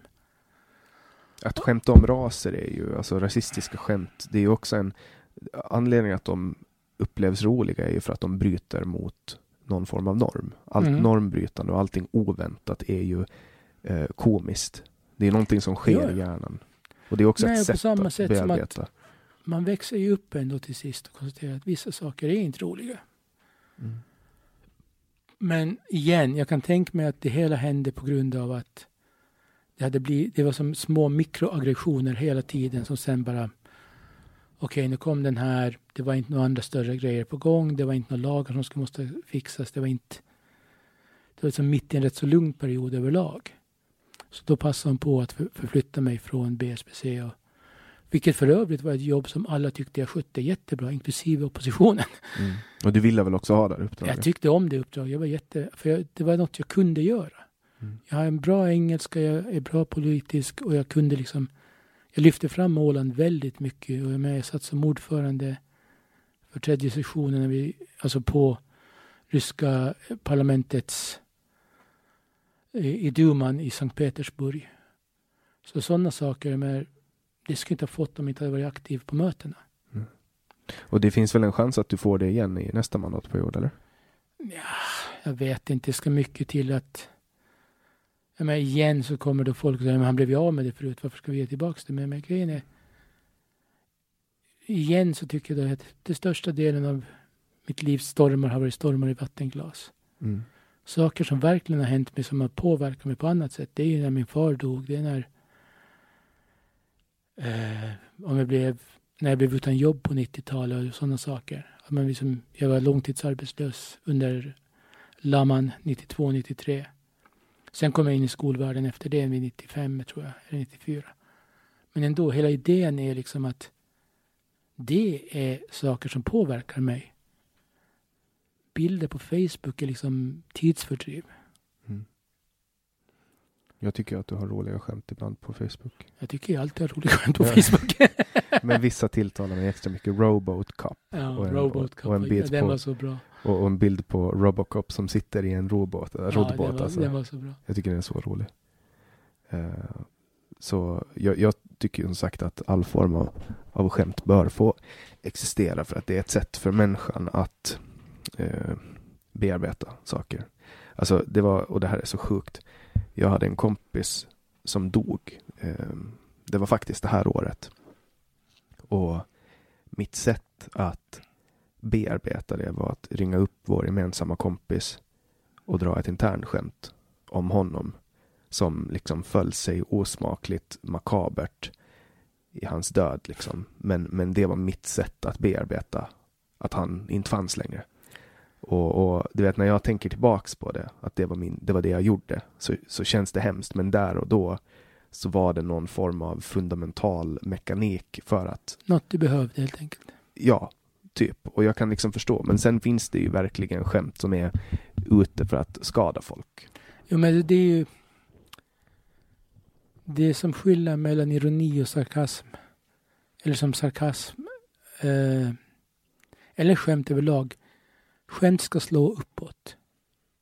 Om du slår neråt så är du bara en, liksom en bully. Mm. Men jag kommer så väl ihåg, vi hade en vän som hette Mattias förut som dog i mitten av 90-talet, men före det låg han på sjukhus väldigt mycket. Och Andreas Donner och jag for dit och några andra kompisar. Vi satt och läste ur Sunnanäng, vilket är en Astrid Lindgren-bok på fyra sagor där varenda saga börjar med för länge sedan i fattigdomens dagar. Och den blev fasen inte roligare efter det. Men då var det en saga som stod att ja, det fanns många, på den här tiden i fattigdomens dagar var det många barn som var sjuka. Men inte som Hans på knuten för att han var hårt sjuk. Och den sitter vi och läser med en kille som ligger inne liksom med, så för att han ska få stomi på sig för att hans tarmar har slutat fungera fullständigt. Mm. Det blir någon form av, av ödesironi. Ja, det blir man, man har, det är den här makabra formen av skämt som i rätt kompisgäng funkar. För Mm. att alla tar det på rätt sätt. Medan en sköterska som, som ska komma in just då ska bli liksom förbannad och chockad. Så där kan du ju inte säga liksom. Sen finns det ju också alltså, skämt på internet, typ när det händer olyckor så finns det ju vissa trådar i vissa forum där man försöker vara snabbast med att skämta om det. Jag vet att folk skämtar om Ja. Katastrof. När, vi, alltså, när Challenger exploderade så var det en amerikansk journalist som startade en startklocka. Så fort han kunde. Han bara gick liksom och hämtade så klickade han igång den och så väntade han tills han skulle höra första skämtet om det. Ett och ett halvt dygn tog det innan första skämtet kom. När Estonia hände så gjorde jag ungefär samma sak. Jag räknade att okej, nyheten gick ut då och då. När kommer första skämtet? Nästa morgon fick jag höra att vet du vad man kallar Rutö numera? The Body Shop. Wow. Det tog inte 12 timmar ens. Så var skämten igång. Och det tror jag går tillbaka till det du sa, att det är liksom en en, eh, vad ska jag säga, handlingsmekanism. Att vi behöver det för att kunna gå vidare. Vi behöver skämta om svåra saker. Jag tror inte att man är ond för att man skämtar om en sån sak.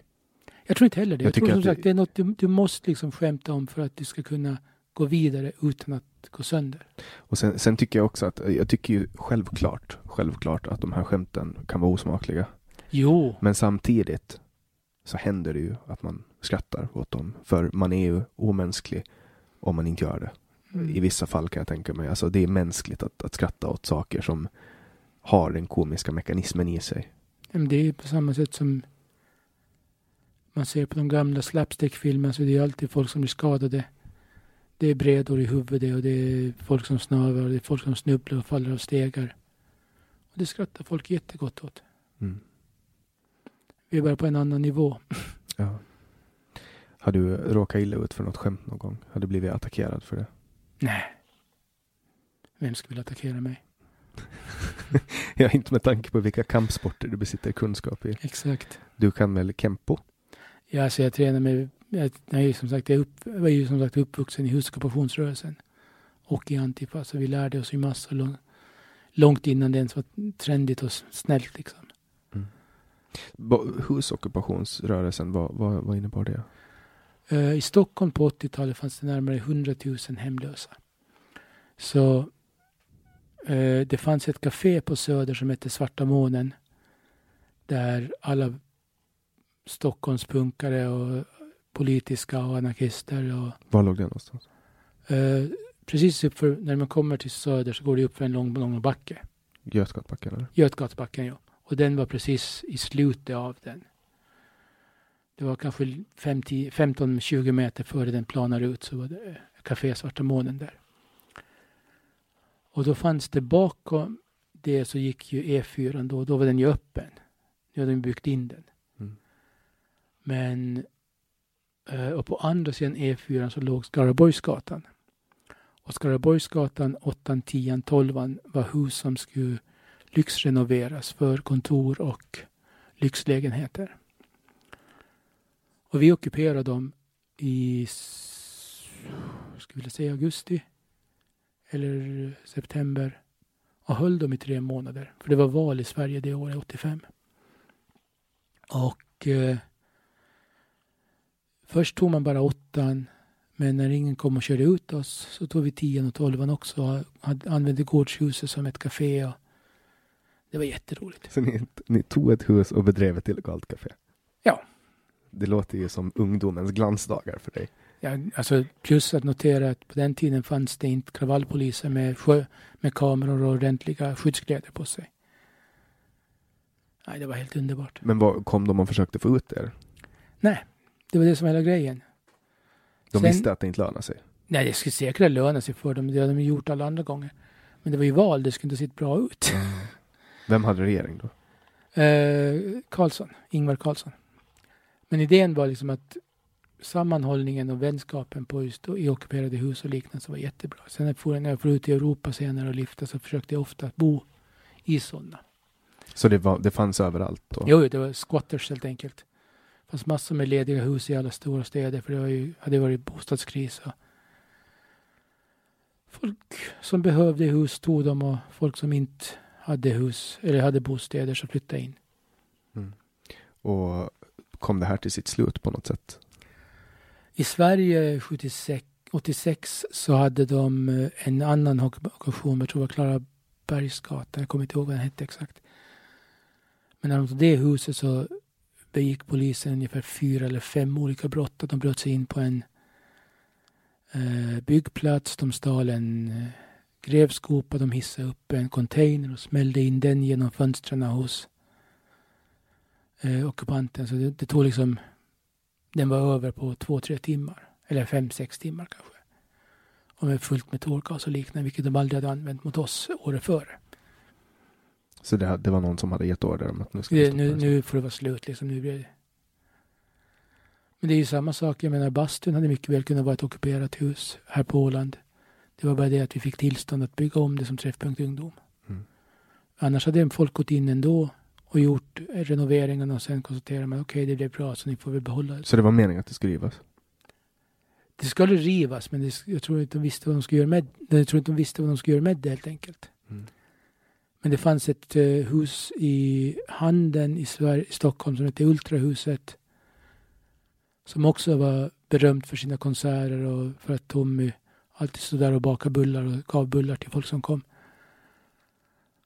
Och det tog slut ett par år efter det här huskockupationsbiten att då började de konstatera att nej, nu stoppar vi alla sådana här illegala Ja, det får nog inte ens göras på grund av hälsoskyddsmyndigheten nu för tiden. Man vill inte baka bullar åt folk. Nej. Och det är sådana saker som jag egentligen kan tycka är lite sorgligt för att hela talkoandan i samhället. Jag menar, jag, när jag började på bastun 81 så då måste du ställa upp tre gånger och jobba antingen i dörren eller bakom disken och då fick du ett gratis inträde. Nu har de svårt att få folk att komma överhuvudtaget. Mm. Och du måste ha liksom ordningsmän med ordningsmannakort och liknande. Du kan inte bara ha folk som gick omkring med vita bindlar som vi hade. Men det var aldrig ett problem på pubbasten. Dels för att de som alltid gick dit så skötte sig och kom det utomstående så var alla som gick där tillsammans. Så att kom det som en fem, sex stycken som ville bråka så stod de helt plötsligt uppe mot 85 stycken andra. Mm. Jag var bara 16 så det räknas inte på den tiden. Men hela idén var liksom att det var ett ställe där man gjorde saker själv. Men du fick också lära dig ansvar. Frihet under ansvar. Mm. Var du anarkist på den här tiden? Jag vet inte vad jag var. Någon del av socialism. För du hade en, du, du, du hade en period där du var anarkist? Ja, och jag, menar, jag, jag tror att ingen, ingen ung människa som är vänster har inte varit anarkist någon gång. Men anark anarkister har väl ganska mycket gemensamt med alltså, den nyliberala rörelsen? Nej, I form av, anarkismens första tanke är allt är okej så länge du gör det själv och det inte skadar andra. ja, det är ju liberalism i sig. Liberalismen har inga problem att skada andra.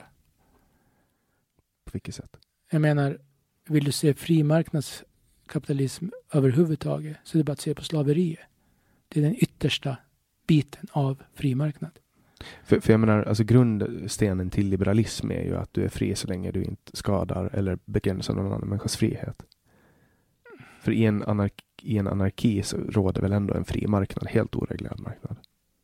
I anarki finns det ingen marknad överhuvudtaget. Men folk kommer ju fortfarande att byta saker med varandra. Jo, jo, men saker ägs gemensamt. Saker tillhör den som behöver dem mest. Jaha, okej. Jag trodde att anarki var att ingen ägde Nej, anarki betyder utan ledare. Okej. Jag inte trodde- utan ordning. okej, okej. Jag trodde att anarki var när det inga rådde regler och privat ägande var Ja, nej, man- anarki man betyder man- utan ledare, inte Okej. utan ordning. Okej, så det finns alltså en ordningsmakt i en anarki. Inte en ordningsmakt, men det finns en mänsklig ordning. Så människan får straffa enligt eget. Om det Typ. behövs. Men Mm. Det vanligaste straffet skulle vara att man skj- förskjuter folk från gemenskapen. De får gå ut och klara sig själva. Okej, då jag behöver läsa på mer om anarki. Men det finns alltså, och nu hoppas jag att vi får ett stort avslöjande här i podden. Enligt hörsägen så har du målat ett anarkist-A på den här lagtingsbyggnaden. Stämmer det? Enligt hörsägen. Ja, det går en sån hörsägen. Att Igge Holmberg Ja, alltså, det gick en sån hörsägen på 80-talet också. Och antagligen så är det långt preskriberat vid det här laget. Och det är inte ens första gången jag säger att jag gör det. Jag har gjort det. Så nu fick vi alltså ett avslöjande. Nej. Men jag, jag tycker sagt, jag- det, har, det har varit avslöjat flera gånger Men har du, har du pratat offentligt om det Jo, jo. i tidningen? Ja. Ja, jag tycker i alla fall det är helt underbart att få höra det från dig. För att du måste ju vara den enda lagtingsledamoten som har taggat lagtingshuset. 25 år stod jag på gatan och slogs mot staten. Nu är jag den. Har du varit i slagsmål mot staten? Det vill säga Jag var i slagsmål polisen. mot poliser. Och det är ju statens optimala våldsmedel. Vad har du ingått i för grupperingar när du har varit där? Husockupanter. Och ni hade slagsmål med polisen? Nej, vi hade en demonstration som polisen bröt upp. Jag skulle inte säga att det var ett slagsmål för att eh, det är som att säga att eh, du skulle ställa dig i ringen med Mike Tyson. Det är inte ett slagsmål. Det är en slakt. Eller racea med Bike Tyson? Ja, nej men det är liksom. Polis, vi var i, vi hade försökt ta oss ner till järnvägsstationen och mitt under den stationen tyckte någon att det skulle vara en jättebra idé att gå igenom ambassadkvarteret. Vem som nu kom på det vet gudarna. Alltså där på Södermalm eller? Nej, i Helsingfors. I Jag var i, Helsingfors. Hel- i Finland under påsken. Och eh, de jagade ner oss. Vi kom alla ner för en stor trappa och så plötsligt hade vi piketer liksom hela vägen framför oss och en hel lång linje av finska poliser, vilket betydde sjömansmössor och batonger och inte så mycket mera. Det var inte som när svenskarna hade kravallpoliser som hade hjälmar och sköldar och hela kör, utan finnarna hade bara sina psykopatiska poliser fram, längst fram i led. Poliser med vapen helt enkelt. Poliser med långa stora batonger. Och jag kan säga dig en sån sak, du känner dig aldrig så levande som när du varit med om en kravallchock. För jösses jäklar vad jag sprang. Vad hände? Ja, polisen rusade mot oss. Eller först gick det bara en fram, man fram och sa stopp, stopp. Men de första sex av våra killar hakade en, armarna i led och bara gick över honom. Och då blåste han en visselpipa och så kommer de andra 80 rusande. Och vi rusar alla iväg. Och jag rusade åt sidan och passade på att rulla ihop flaggan samtidigt. För jag var tvungen att bära den för att killen som bar den före mig viftade så förbannat med så han höll på att slå folk i huvudet i tåget. Så jag, ah, okej, jag tar den där. Så och när jag springer liksom så långt vänsterut jag bara kommer för att komma undan så ser jag en polis komma och en en meters batong kommer flygande rätt mot mina knän. Och jag har aldrig hoppat så högt som jag gjorde den gången. utan Jag bara flög över den där batongen. Och så var vi nere vid hamnen och kommer till en liten gatstump och helt plötsligt hör vi liksom bara kring, kring, i, i, i, pump, pump. Och så står det piketer i varenda gathörn. Så det finns ingenstans att fly. Och sen rusar de bara in igen och börjar bulta till höger och vänster. Jag såg människor som hade liksom uppsvullna händer som var tre gånger större än de borde vara och liknande. Jag klarade mig undan med bara ett par njurslag och sen slängde jag upp händerna och så slängde de in med en piket. Fick ni, blev ni utsatta för gas? Nej, nej, nej, som sagt, det var Finland. Finland räcker det med att du har poliser. Oftast gamla militärer som inte kan anpassa sig till civilt liv. Så vad hade ni gjort? Demonstrera Men, alltså, utan tänker, tillstånd. och, och då slår de er? Då slår de oss. Utgjorde ni något hot för rikets säkerhet? Hade ni Nej, någon men vi tänkte hotbild? traska igenom ambassadområdet och det var tydligen inte uppskattat. Gick, ingick du i någon extrem gruppering? Nej, nej, alltså jag visste ju inte att de hade funnits för en dag före när jag fick höra talas om det på en rockklubb. Vad, vad fick du höra talas om? Eh, husockupationen. Så vi Okej. ockuperade ett hus och sen gick vi därifrån och lämnade och gick ut liksom och ordnade en demonstration som skulle ner till järnvägsstationen. Och du nämnde AFA tidigare. Antifascistisk aktion, ja. Ja. Har du varit en del av AFA? Inte officiellt. Alltså bara som sagt på 80-talet när alla som var emot BSS var antifa. Mm. Men alltså jag har aldrig förstått den biten. Jag tycker att att vara antifascist är liksom ett normalläge. Nej, Man ska vara antifascist om man är liksom en människa. för det, det jag tänker på är att, alltså att kan AFA ha haft någon form av hotbild på sig som gjorde att poliserna fattade Alltså? AFA fanns inte på den här tiden. Eller jo, det fanns det. För de är, vet du, den första bilden jag sett på de två flaggorna med antifascistisk ak- aktion på. Berätta.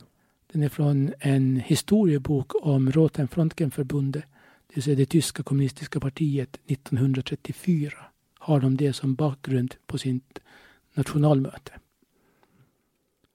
Från 34. Mm. Ja, alltså, Det här är inte det är det här jag menar med att vara socialism. Att vi bär på en ideologi som är över 150 år gammal. Där allt som människor har gjort, den stora saken med arbetarrörelsen, är att vi glömmer aldrig våra hjältar. De kommer alltid att finnas i sånger, i minnen, i tavlor. För att de byggde grunden för det samhälle vi bygger nu. mm. Men du, du tror att vägen är att fortsätta där? Du tror Jag tror att fortfarande att vägen är socialism. Ja. många, Och som sagt, de flesta människor i Norden är socialis- socialdemokrater på ett eller annat sätt. De kanske inte röstar på oss, men de har inga som helst problem med att leva på frukten som vi har gett dem. Mm. För vi kanske inte ska gå in på, på det djupare, men jag håller ju inte med om att det är socialismen som har gett oss den frukten. Jag tror att det är människors hårda arbete. Jag tror inte att man kan tillskriva... Fackföreningar, sjukhus, eh, sjukdagpenning, helger, semestrar, åtta timmars arbetsdag, barnomsorg, pensioner, eh, äldreomsorg. Allt det här är saker som människor har slagits och dött för. Men de har ju även uppstått på platser där socialism inte har rådit. Men varenda en av de här sakerna röstades emot av alla borgerliga partier. När det kom första semesterveckan så var Moderaterna i Sverige tokiga. Och det är ju det som är grejen med konservatism. Man vill ha det som det har varit. Ja, Och det är problemet kon- är att samhället rör hela tiden på sig. Ja. Samhället går framåt. Och konservativas roll är ju att försöka behålla saker. Alltså, Mm. det är ju essensen i konservatism. Man är nöjd med status quo. Jag tror att det är mer en personlig fallenhet snarare än en ideologi. Att man är konservativ. Precis, men det, det är det jag alltid har sagt. Det är neofili. Du har inte en ideologi om du inte är socialdemokrat. Eller du, har, du kan ha en ideologi men den är inte baserad på hundra år av kamp. Alltså för att jag vill ju tillskriva exakt de sakerna eh, och den framgång du tillskriver din ideologi vill jag tillskriva min ideologi. Jag vill ju tillskriva liberalismen det här vackra. Men de röstar ju emot allt det här. Jo, men liberaler, alltså jag tror inte att det finns riktiga liberaler som röstar emot. Men alltså vi pratar om något som, som hände från 1918 till 1984. Och det är ju kapitalismen vi har att tacka för det. Det är tack vare det välstånd som har kommit till en konsekvens av kapitalismen som man har haft pengar att kunna göra alla de här sakerna. För det är ju inte staten som har genererat pengar. Nej, men ska man tro på kapitalismen så ska man som sagt bort från det här barnarbetet. Ja, alltså, jo, om du tänker på det sättet, men man kan ju inte tillskriva eh, Kan man inte tillskriva människor... fackföreningarna Nej, nej, alltså jag menar, man kan inte tillskriva barnarbete och slaveri kapitalismen. Det är ju sjukt. Visst kan det. Är ju det människor. Slaveri är ju ingenting annat än kapitalism i sin fulla frihet. Det är människor som säljer andra människor. Ja, men det är, och, det är kapitalism i sin fulla frihet. Alltså att, att jag tror inte att du det kan finns... inte ha kapitalism utan rasism. Jag är... Hela brittiska imperiet bygger på den tanken att vi far till andra ställen och stjäl deras saker. Men om jag definierar mig som kapitalist, mm. vilket mm. jag gör, eh, jag vill ju inte sälja små barn och slavar. Och jag vill inte köpa dem heller. Jag, Men du har inga problem med att folk sätter upp fabriker i låglöneländer och säljer saker dyrt här istället? Alltså, jag har ju varit i låglöneländer. Jag har ju varit i ja. arbetarkvarter i Kina och gått på fabriker och sett de här människorna. Vissa av dem i alla fall. Och alltså, jag kan, det jag ser är människor som bor i ett annat land, som pratar ett annat språk, som jobbar med det de jobbar med. Och sen ser jag att det finns en enorm orättvisa, absolut. Um, och jag ser att de jobbar för att kunna exportera varor som, som vi sen ska njuta av. Och, och det kan få mig att må dåligt. Ja. Och då kan jag skämmas över att jag är en kapitalist. Men samtidigt så... Men idén är ju den att alla de här produktionssakerna fanns ju i Sverige och i Finland förut. Men folk flyttade dem till låglöneländer när de kunde. Med den, och jag menar, en av de saker som har räddat Sverige från liksom ekonomisk kris är ju att Socialdemokraterna la fram ett arbets utbildningsprogram, Att när, när en fabrik som eh, gjorde gummistövlar la ner i ett område. En fabrik som hade anställt 65-70 procent av alla som jobbade där. Så då gjorde man som så att man kontrollerar vilka andra fabriker, vilka andra eh, verksamheter har vi? Och sen utbildar man folk till att kunna jobba i de verksamheterna. Vilket gjorde att de slapp bli arbetslösa, de slapp flytta till ett annat ställe för att få ett jobb. De slapp en massa problem med att sälja ett hus som kanske inte hade så mycket värde.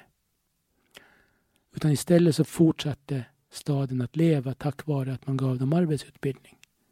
Igen, mannen som ägde fabriken och la ner den sköt fullständigt i det.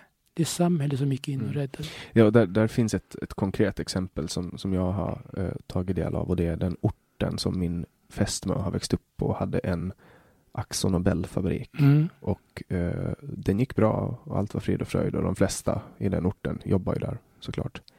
Och sen var det någon som hade räknat ut att det var någonting, kanske var det logistik eller kanske var det någonting annat som gjorde att de behövde stänga ner den och då stängde de ner den. Och då blev ju de flesta arbetslösa.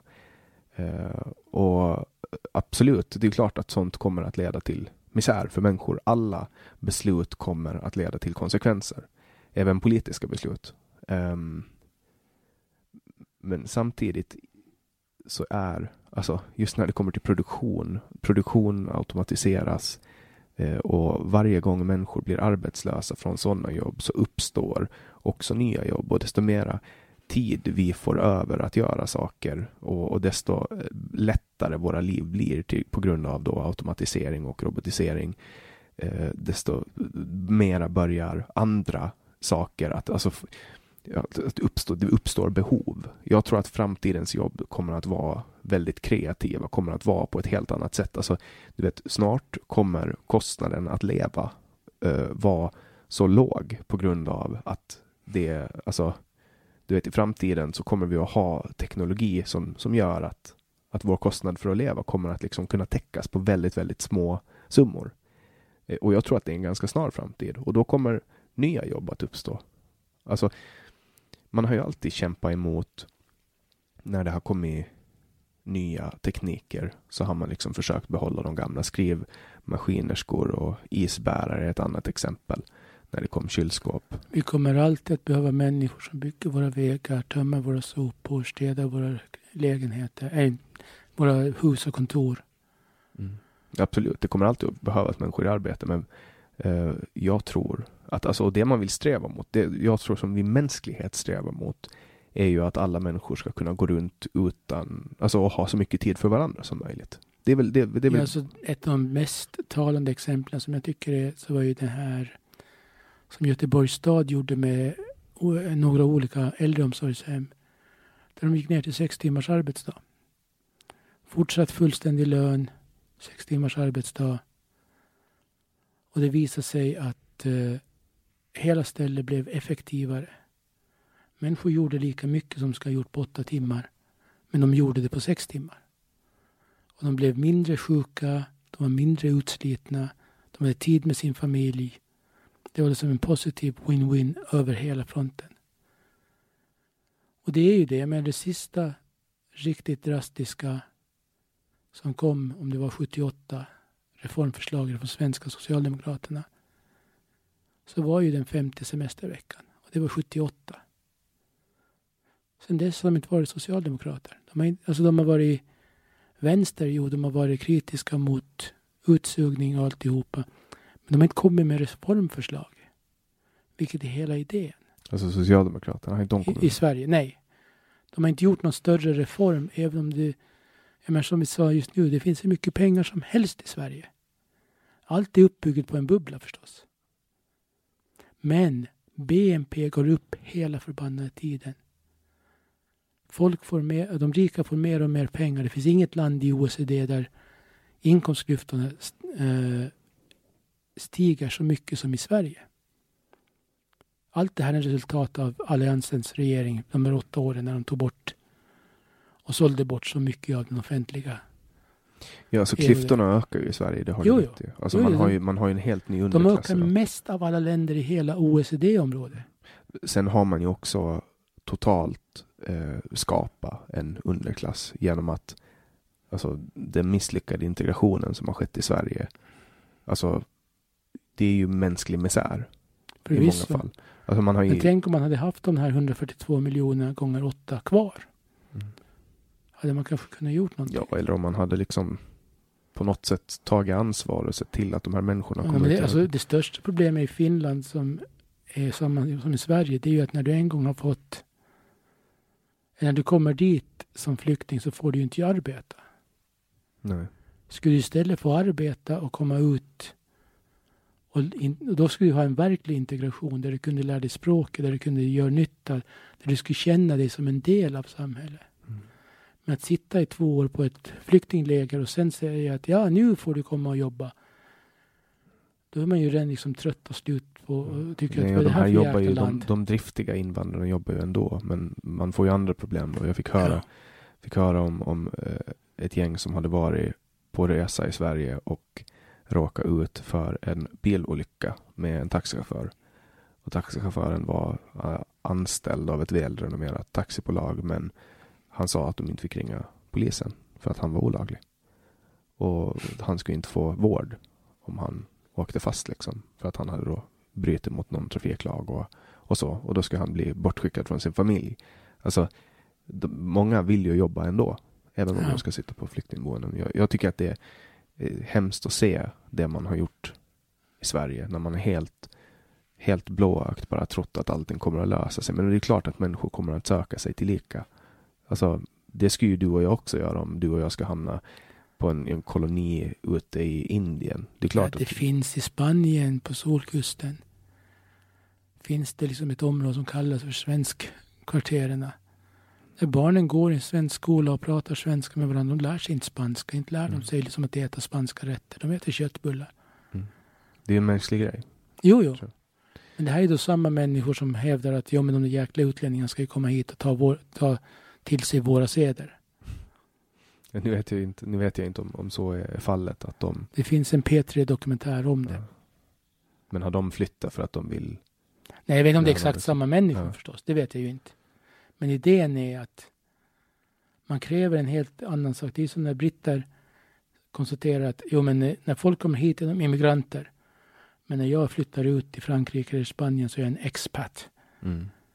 Liksom ett helt annat ord bara för att man kan inte vara en immigrant om man är britt heller. Nej, För sen har ju också eh, immigrant har ju fått eh, man har ju liksom svärta ner ordet. Eh, alltså invandrare låter ju hemskt nu. Mm. För att man ja, det liksom, som är lustigast där är att jag tror det var Kave som sa det, han som bodde här, att när vi Ja, du, så säger jag, ja men du kan ju prata som invandrare och sen Hur länge är jag invandrare? Jag har bott här i 40 år. mm. Han kom hit på 70-talet. Hur länge ska han vandra för att komma in? ja.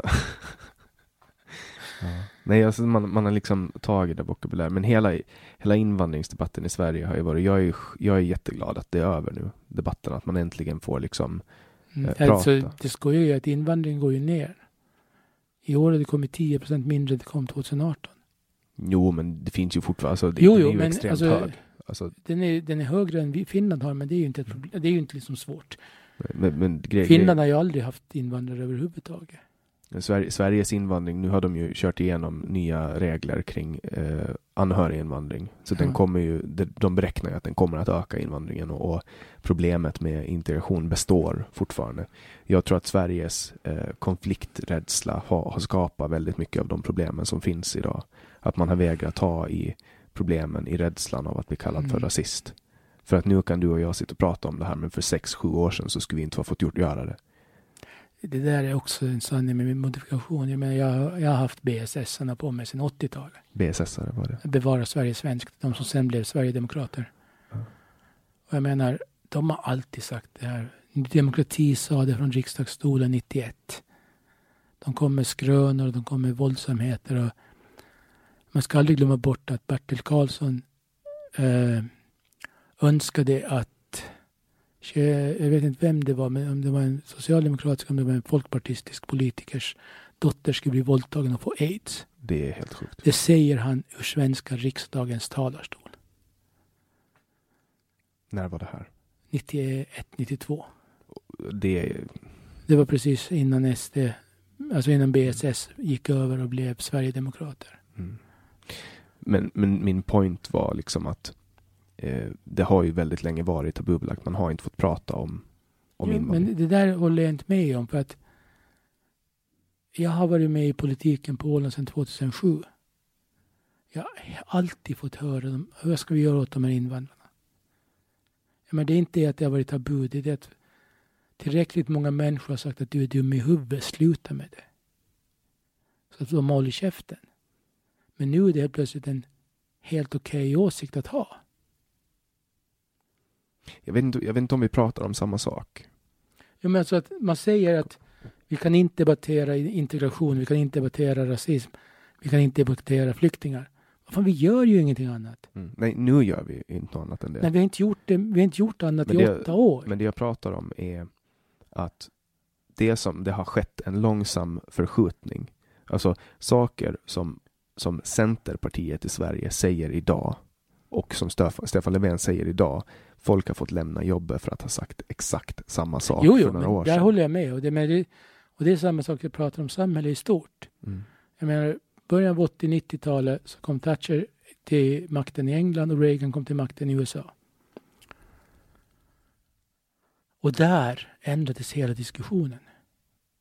Jag menar, det, det första Ta- eh, Reagan gjorde i USA var att plocka marginalskatten för företag från 80 procent, nej 79 procent tror jag det var, till 28.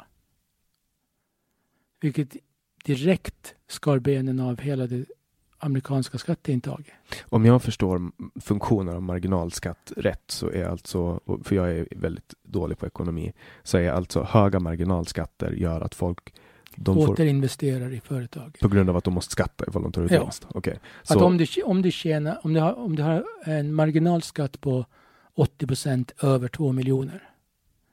Så om du tjänar 4 miljoner.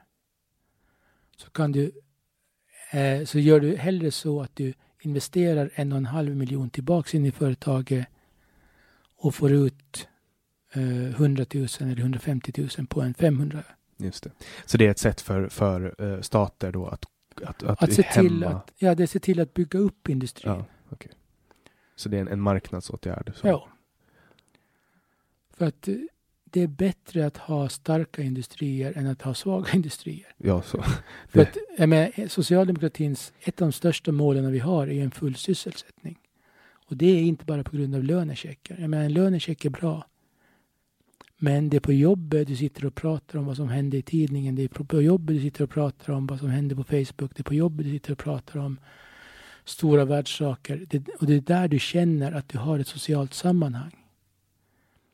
Så det är därför vi har eh, vad heter det förberedande jobbövningar för eh, folk med psykisk funktionsnedsättning. För att de ska också få en plats i samhället. Det är inte att de kommer att tjäna massor med pengar men de kommer att få en plats där de kan känna sig värda någonting. Där de känner att okej, okay, jag, jag bidrar till någonting även om det bara är att snickra ihop den här pallen som vi sen säljer. Att ett jobb är så mycket mer än en lönecheck. Ett jobb är faktiskt det som ger dig en central punkt i att du känner att du är en del av ett samhälle. Mm. Och där, där håller jag ju helt med dig om att det, så, så ska man göra. Det är ju ett av de bästa sätten att eh, motverka och också bekämpa, om man ska använda sådana termer, missbruk. Just. Ge, ge folk en, en, en, känsla av värdighet, ge folk ett sammanhang. Ja. Och, och hälsosamma kontakter. Men sen är det ju väldigt många människor som inte trivs på sina jobb idag. Det är sant, men då måste man också fråga sig varför. Är det för att de utnyttjas för mycket? Är det för att de inte får tillräckligt med lön för det? Vi ska komma ihåg att där direktörers löner har stigit 40, 50, 70 procent eller gånger ska vi säga, sedan 70-talet. Så en arbetares lön stiger två, tre gånger. Mm. Och följer knappt med inflationen. Så att eh, därför krävs det nu två människor i ett hushåll att arbeta. Därför ut min far jobba ensam. Mm. Och mamma var hemma med barnen. Det har väl också lite varit socialdemokratins mål att få ut folk i jobb. Förvisso, som jag sa, full sysselsättning. Men det är också en del av att jag menar när Socialdemokraterna eh, föreslog det första offentliga dagiset på Åland 78 eller 77, möjligen någon gång i slutet av 70-talet, så blev det ju ett ramaskri från motståndarna. Nej, men nej, ska ni ta barnen från mammorna? Hur många människor idag skulle vilja vara utan offentlig dagvård? Det är nog få, tror jag. Ja. För att man redan betalar för det, kan jag tänka mig. Men sen är ja, det fast också vi betalar väldigt lite för det. Jag menar, Eh, om jag, jag tar nu Mariehamn som exempel. Eh, Mariehamns barnomsorg kostar kanske 100 000. Av det får vi in kanske 10 000. Nej, förlåt mig. Jag säger helt fel. Den kostar kanske 800-900 000. Av det får vi in kanske 100 000. Om ens det. I avgifter. Så vi betalar redan mer än 10 procent.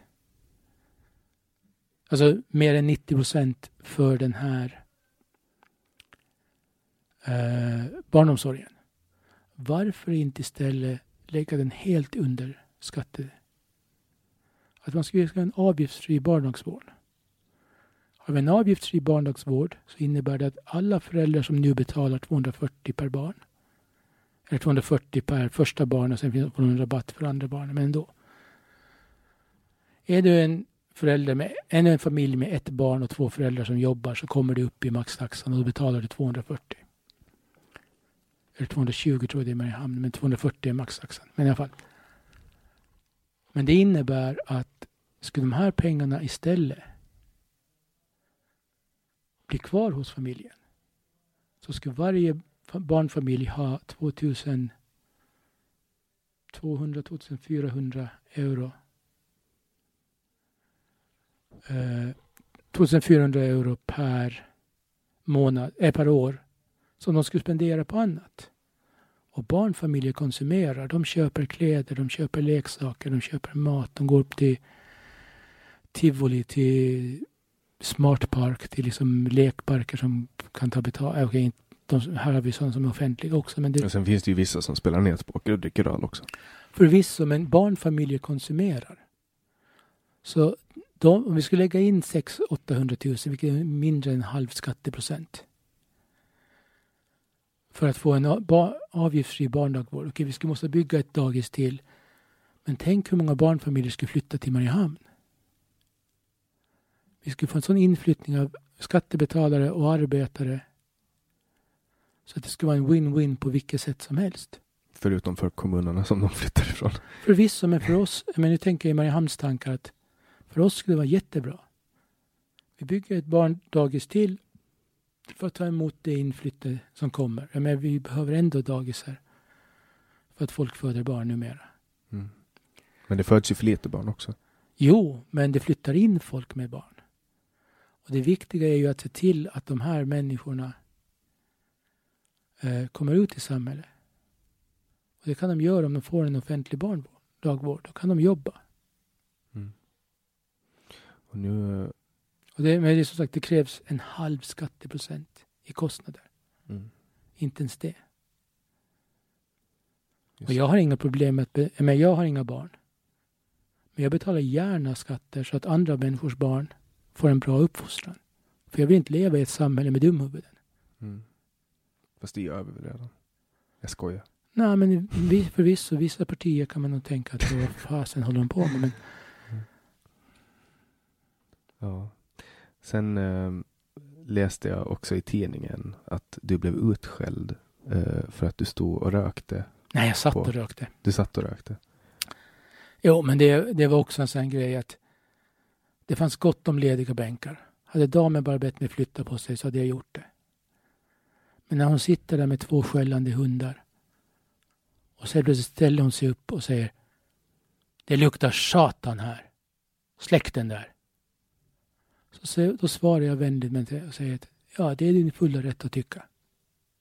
Hade hon bara bett mig flytta mig så hade jag gjort det. Men varför skulle jag ta emot sånt? Men är det bara för att du är politiker som det sker? Är det politikerförakt eller är det för att Jag, dig? vet, det, jag tror säkert att tröskeln är lägre. Jag tror tröskeln är lägre att ge sig på mig för att jag är politiker. Men sidan, igen, jag har valt det. Jag, jag har inga problem med att ta, emot, ta, att ta den här diskussionen om hon faktiskt ska välja det. Är det jobbigt att vara politiker? Men jag tänker på det man får utifrån. Det kan vara det ibland, men samtidigt så räcker det med att en äldre man eller kvinna eller någon, som- vem som helst bara ringer eller skickar ett mess eller skickar en ett dagens ros. Att tack för det du gör, jag tror på dig. Och då kan man jobba vidare i tre månader på, och leva bara på det. Men det är sant, man får betydligt mer skit än man får ros. Mm. Det är väl för att det är lättare att föra fram den kritiken. Det är alltid lättare att få fram kritik. Det är ju samma sak, jag menar. Om du går till en restaurang och de serverar jättebra mat så berättar du till två, tre kompisar. Serverar de dålig mat berättar du till 10-15 kompisar. Mm. Ja. Och det får bli de slutgiltiga orden här om inte du har någonting Förutom en sak till. Berätta, kör. Socialismen kommer att segra. Jag ska inte, jag ska inte sno rampljuset genom att säga att socialism är ondska. Men du får slutordet. Det är lugnt. Då, Du får tycka som du vill, men jag vet bättre. då, då avslutar vi med att socialism är ondska, mina damer och herrar. Vi tackar Igge Tycker Holmberg. du verkligen jag varit ond de här två timmarna? Nej, det tycker jag inte. Jag tycker inte du har varit ond. Jag tycker att du är snäll. Ja, Du har alltid varit snäll. jag är socialism. du är socialismen personifierad. Vi tackar Igge Holmberg supermycket för att vi fick komma till hans kontor på våning 6 av Marmorborgen. Eh, ni som tycker om det vi gör får gärna dela våra filmer på Facebook. Vi släpper nya avsnitt varje onsdag. Eh, har ni någon gäst som ni önskar se så får ni gärna gå in på vår hemsida www.samtal.ax och tipsa om denne. Jag tar alltid era önskemål i beaktande. Producent för det här avsnittet var Didrik Svan. Jag heter Jannik Svensson och du har lyssnat på Säg vad du vill Åland.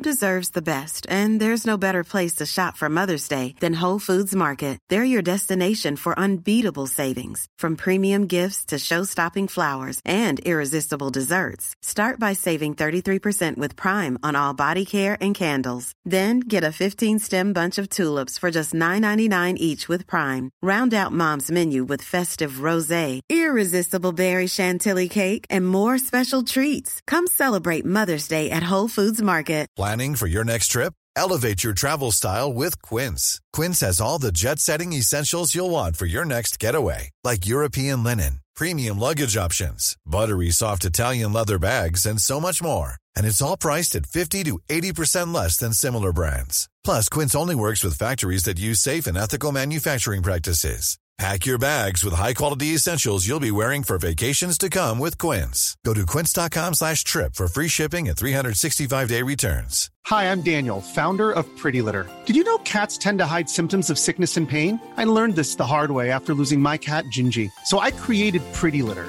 a health monitoring litter that helps detect early signs of illness by changing colors, saving you money and potentially your cat's life. Pretty Litter is veterinarian developed, and it's the easiest way to keep tabs on your fur baby's health right at home. Go to prettylitter.com and use code ACAST for 20% off your first order and a free cat toy. Terms and conditions apply. See site for details.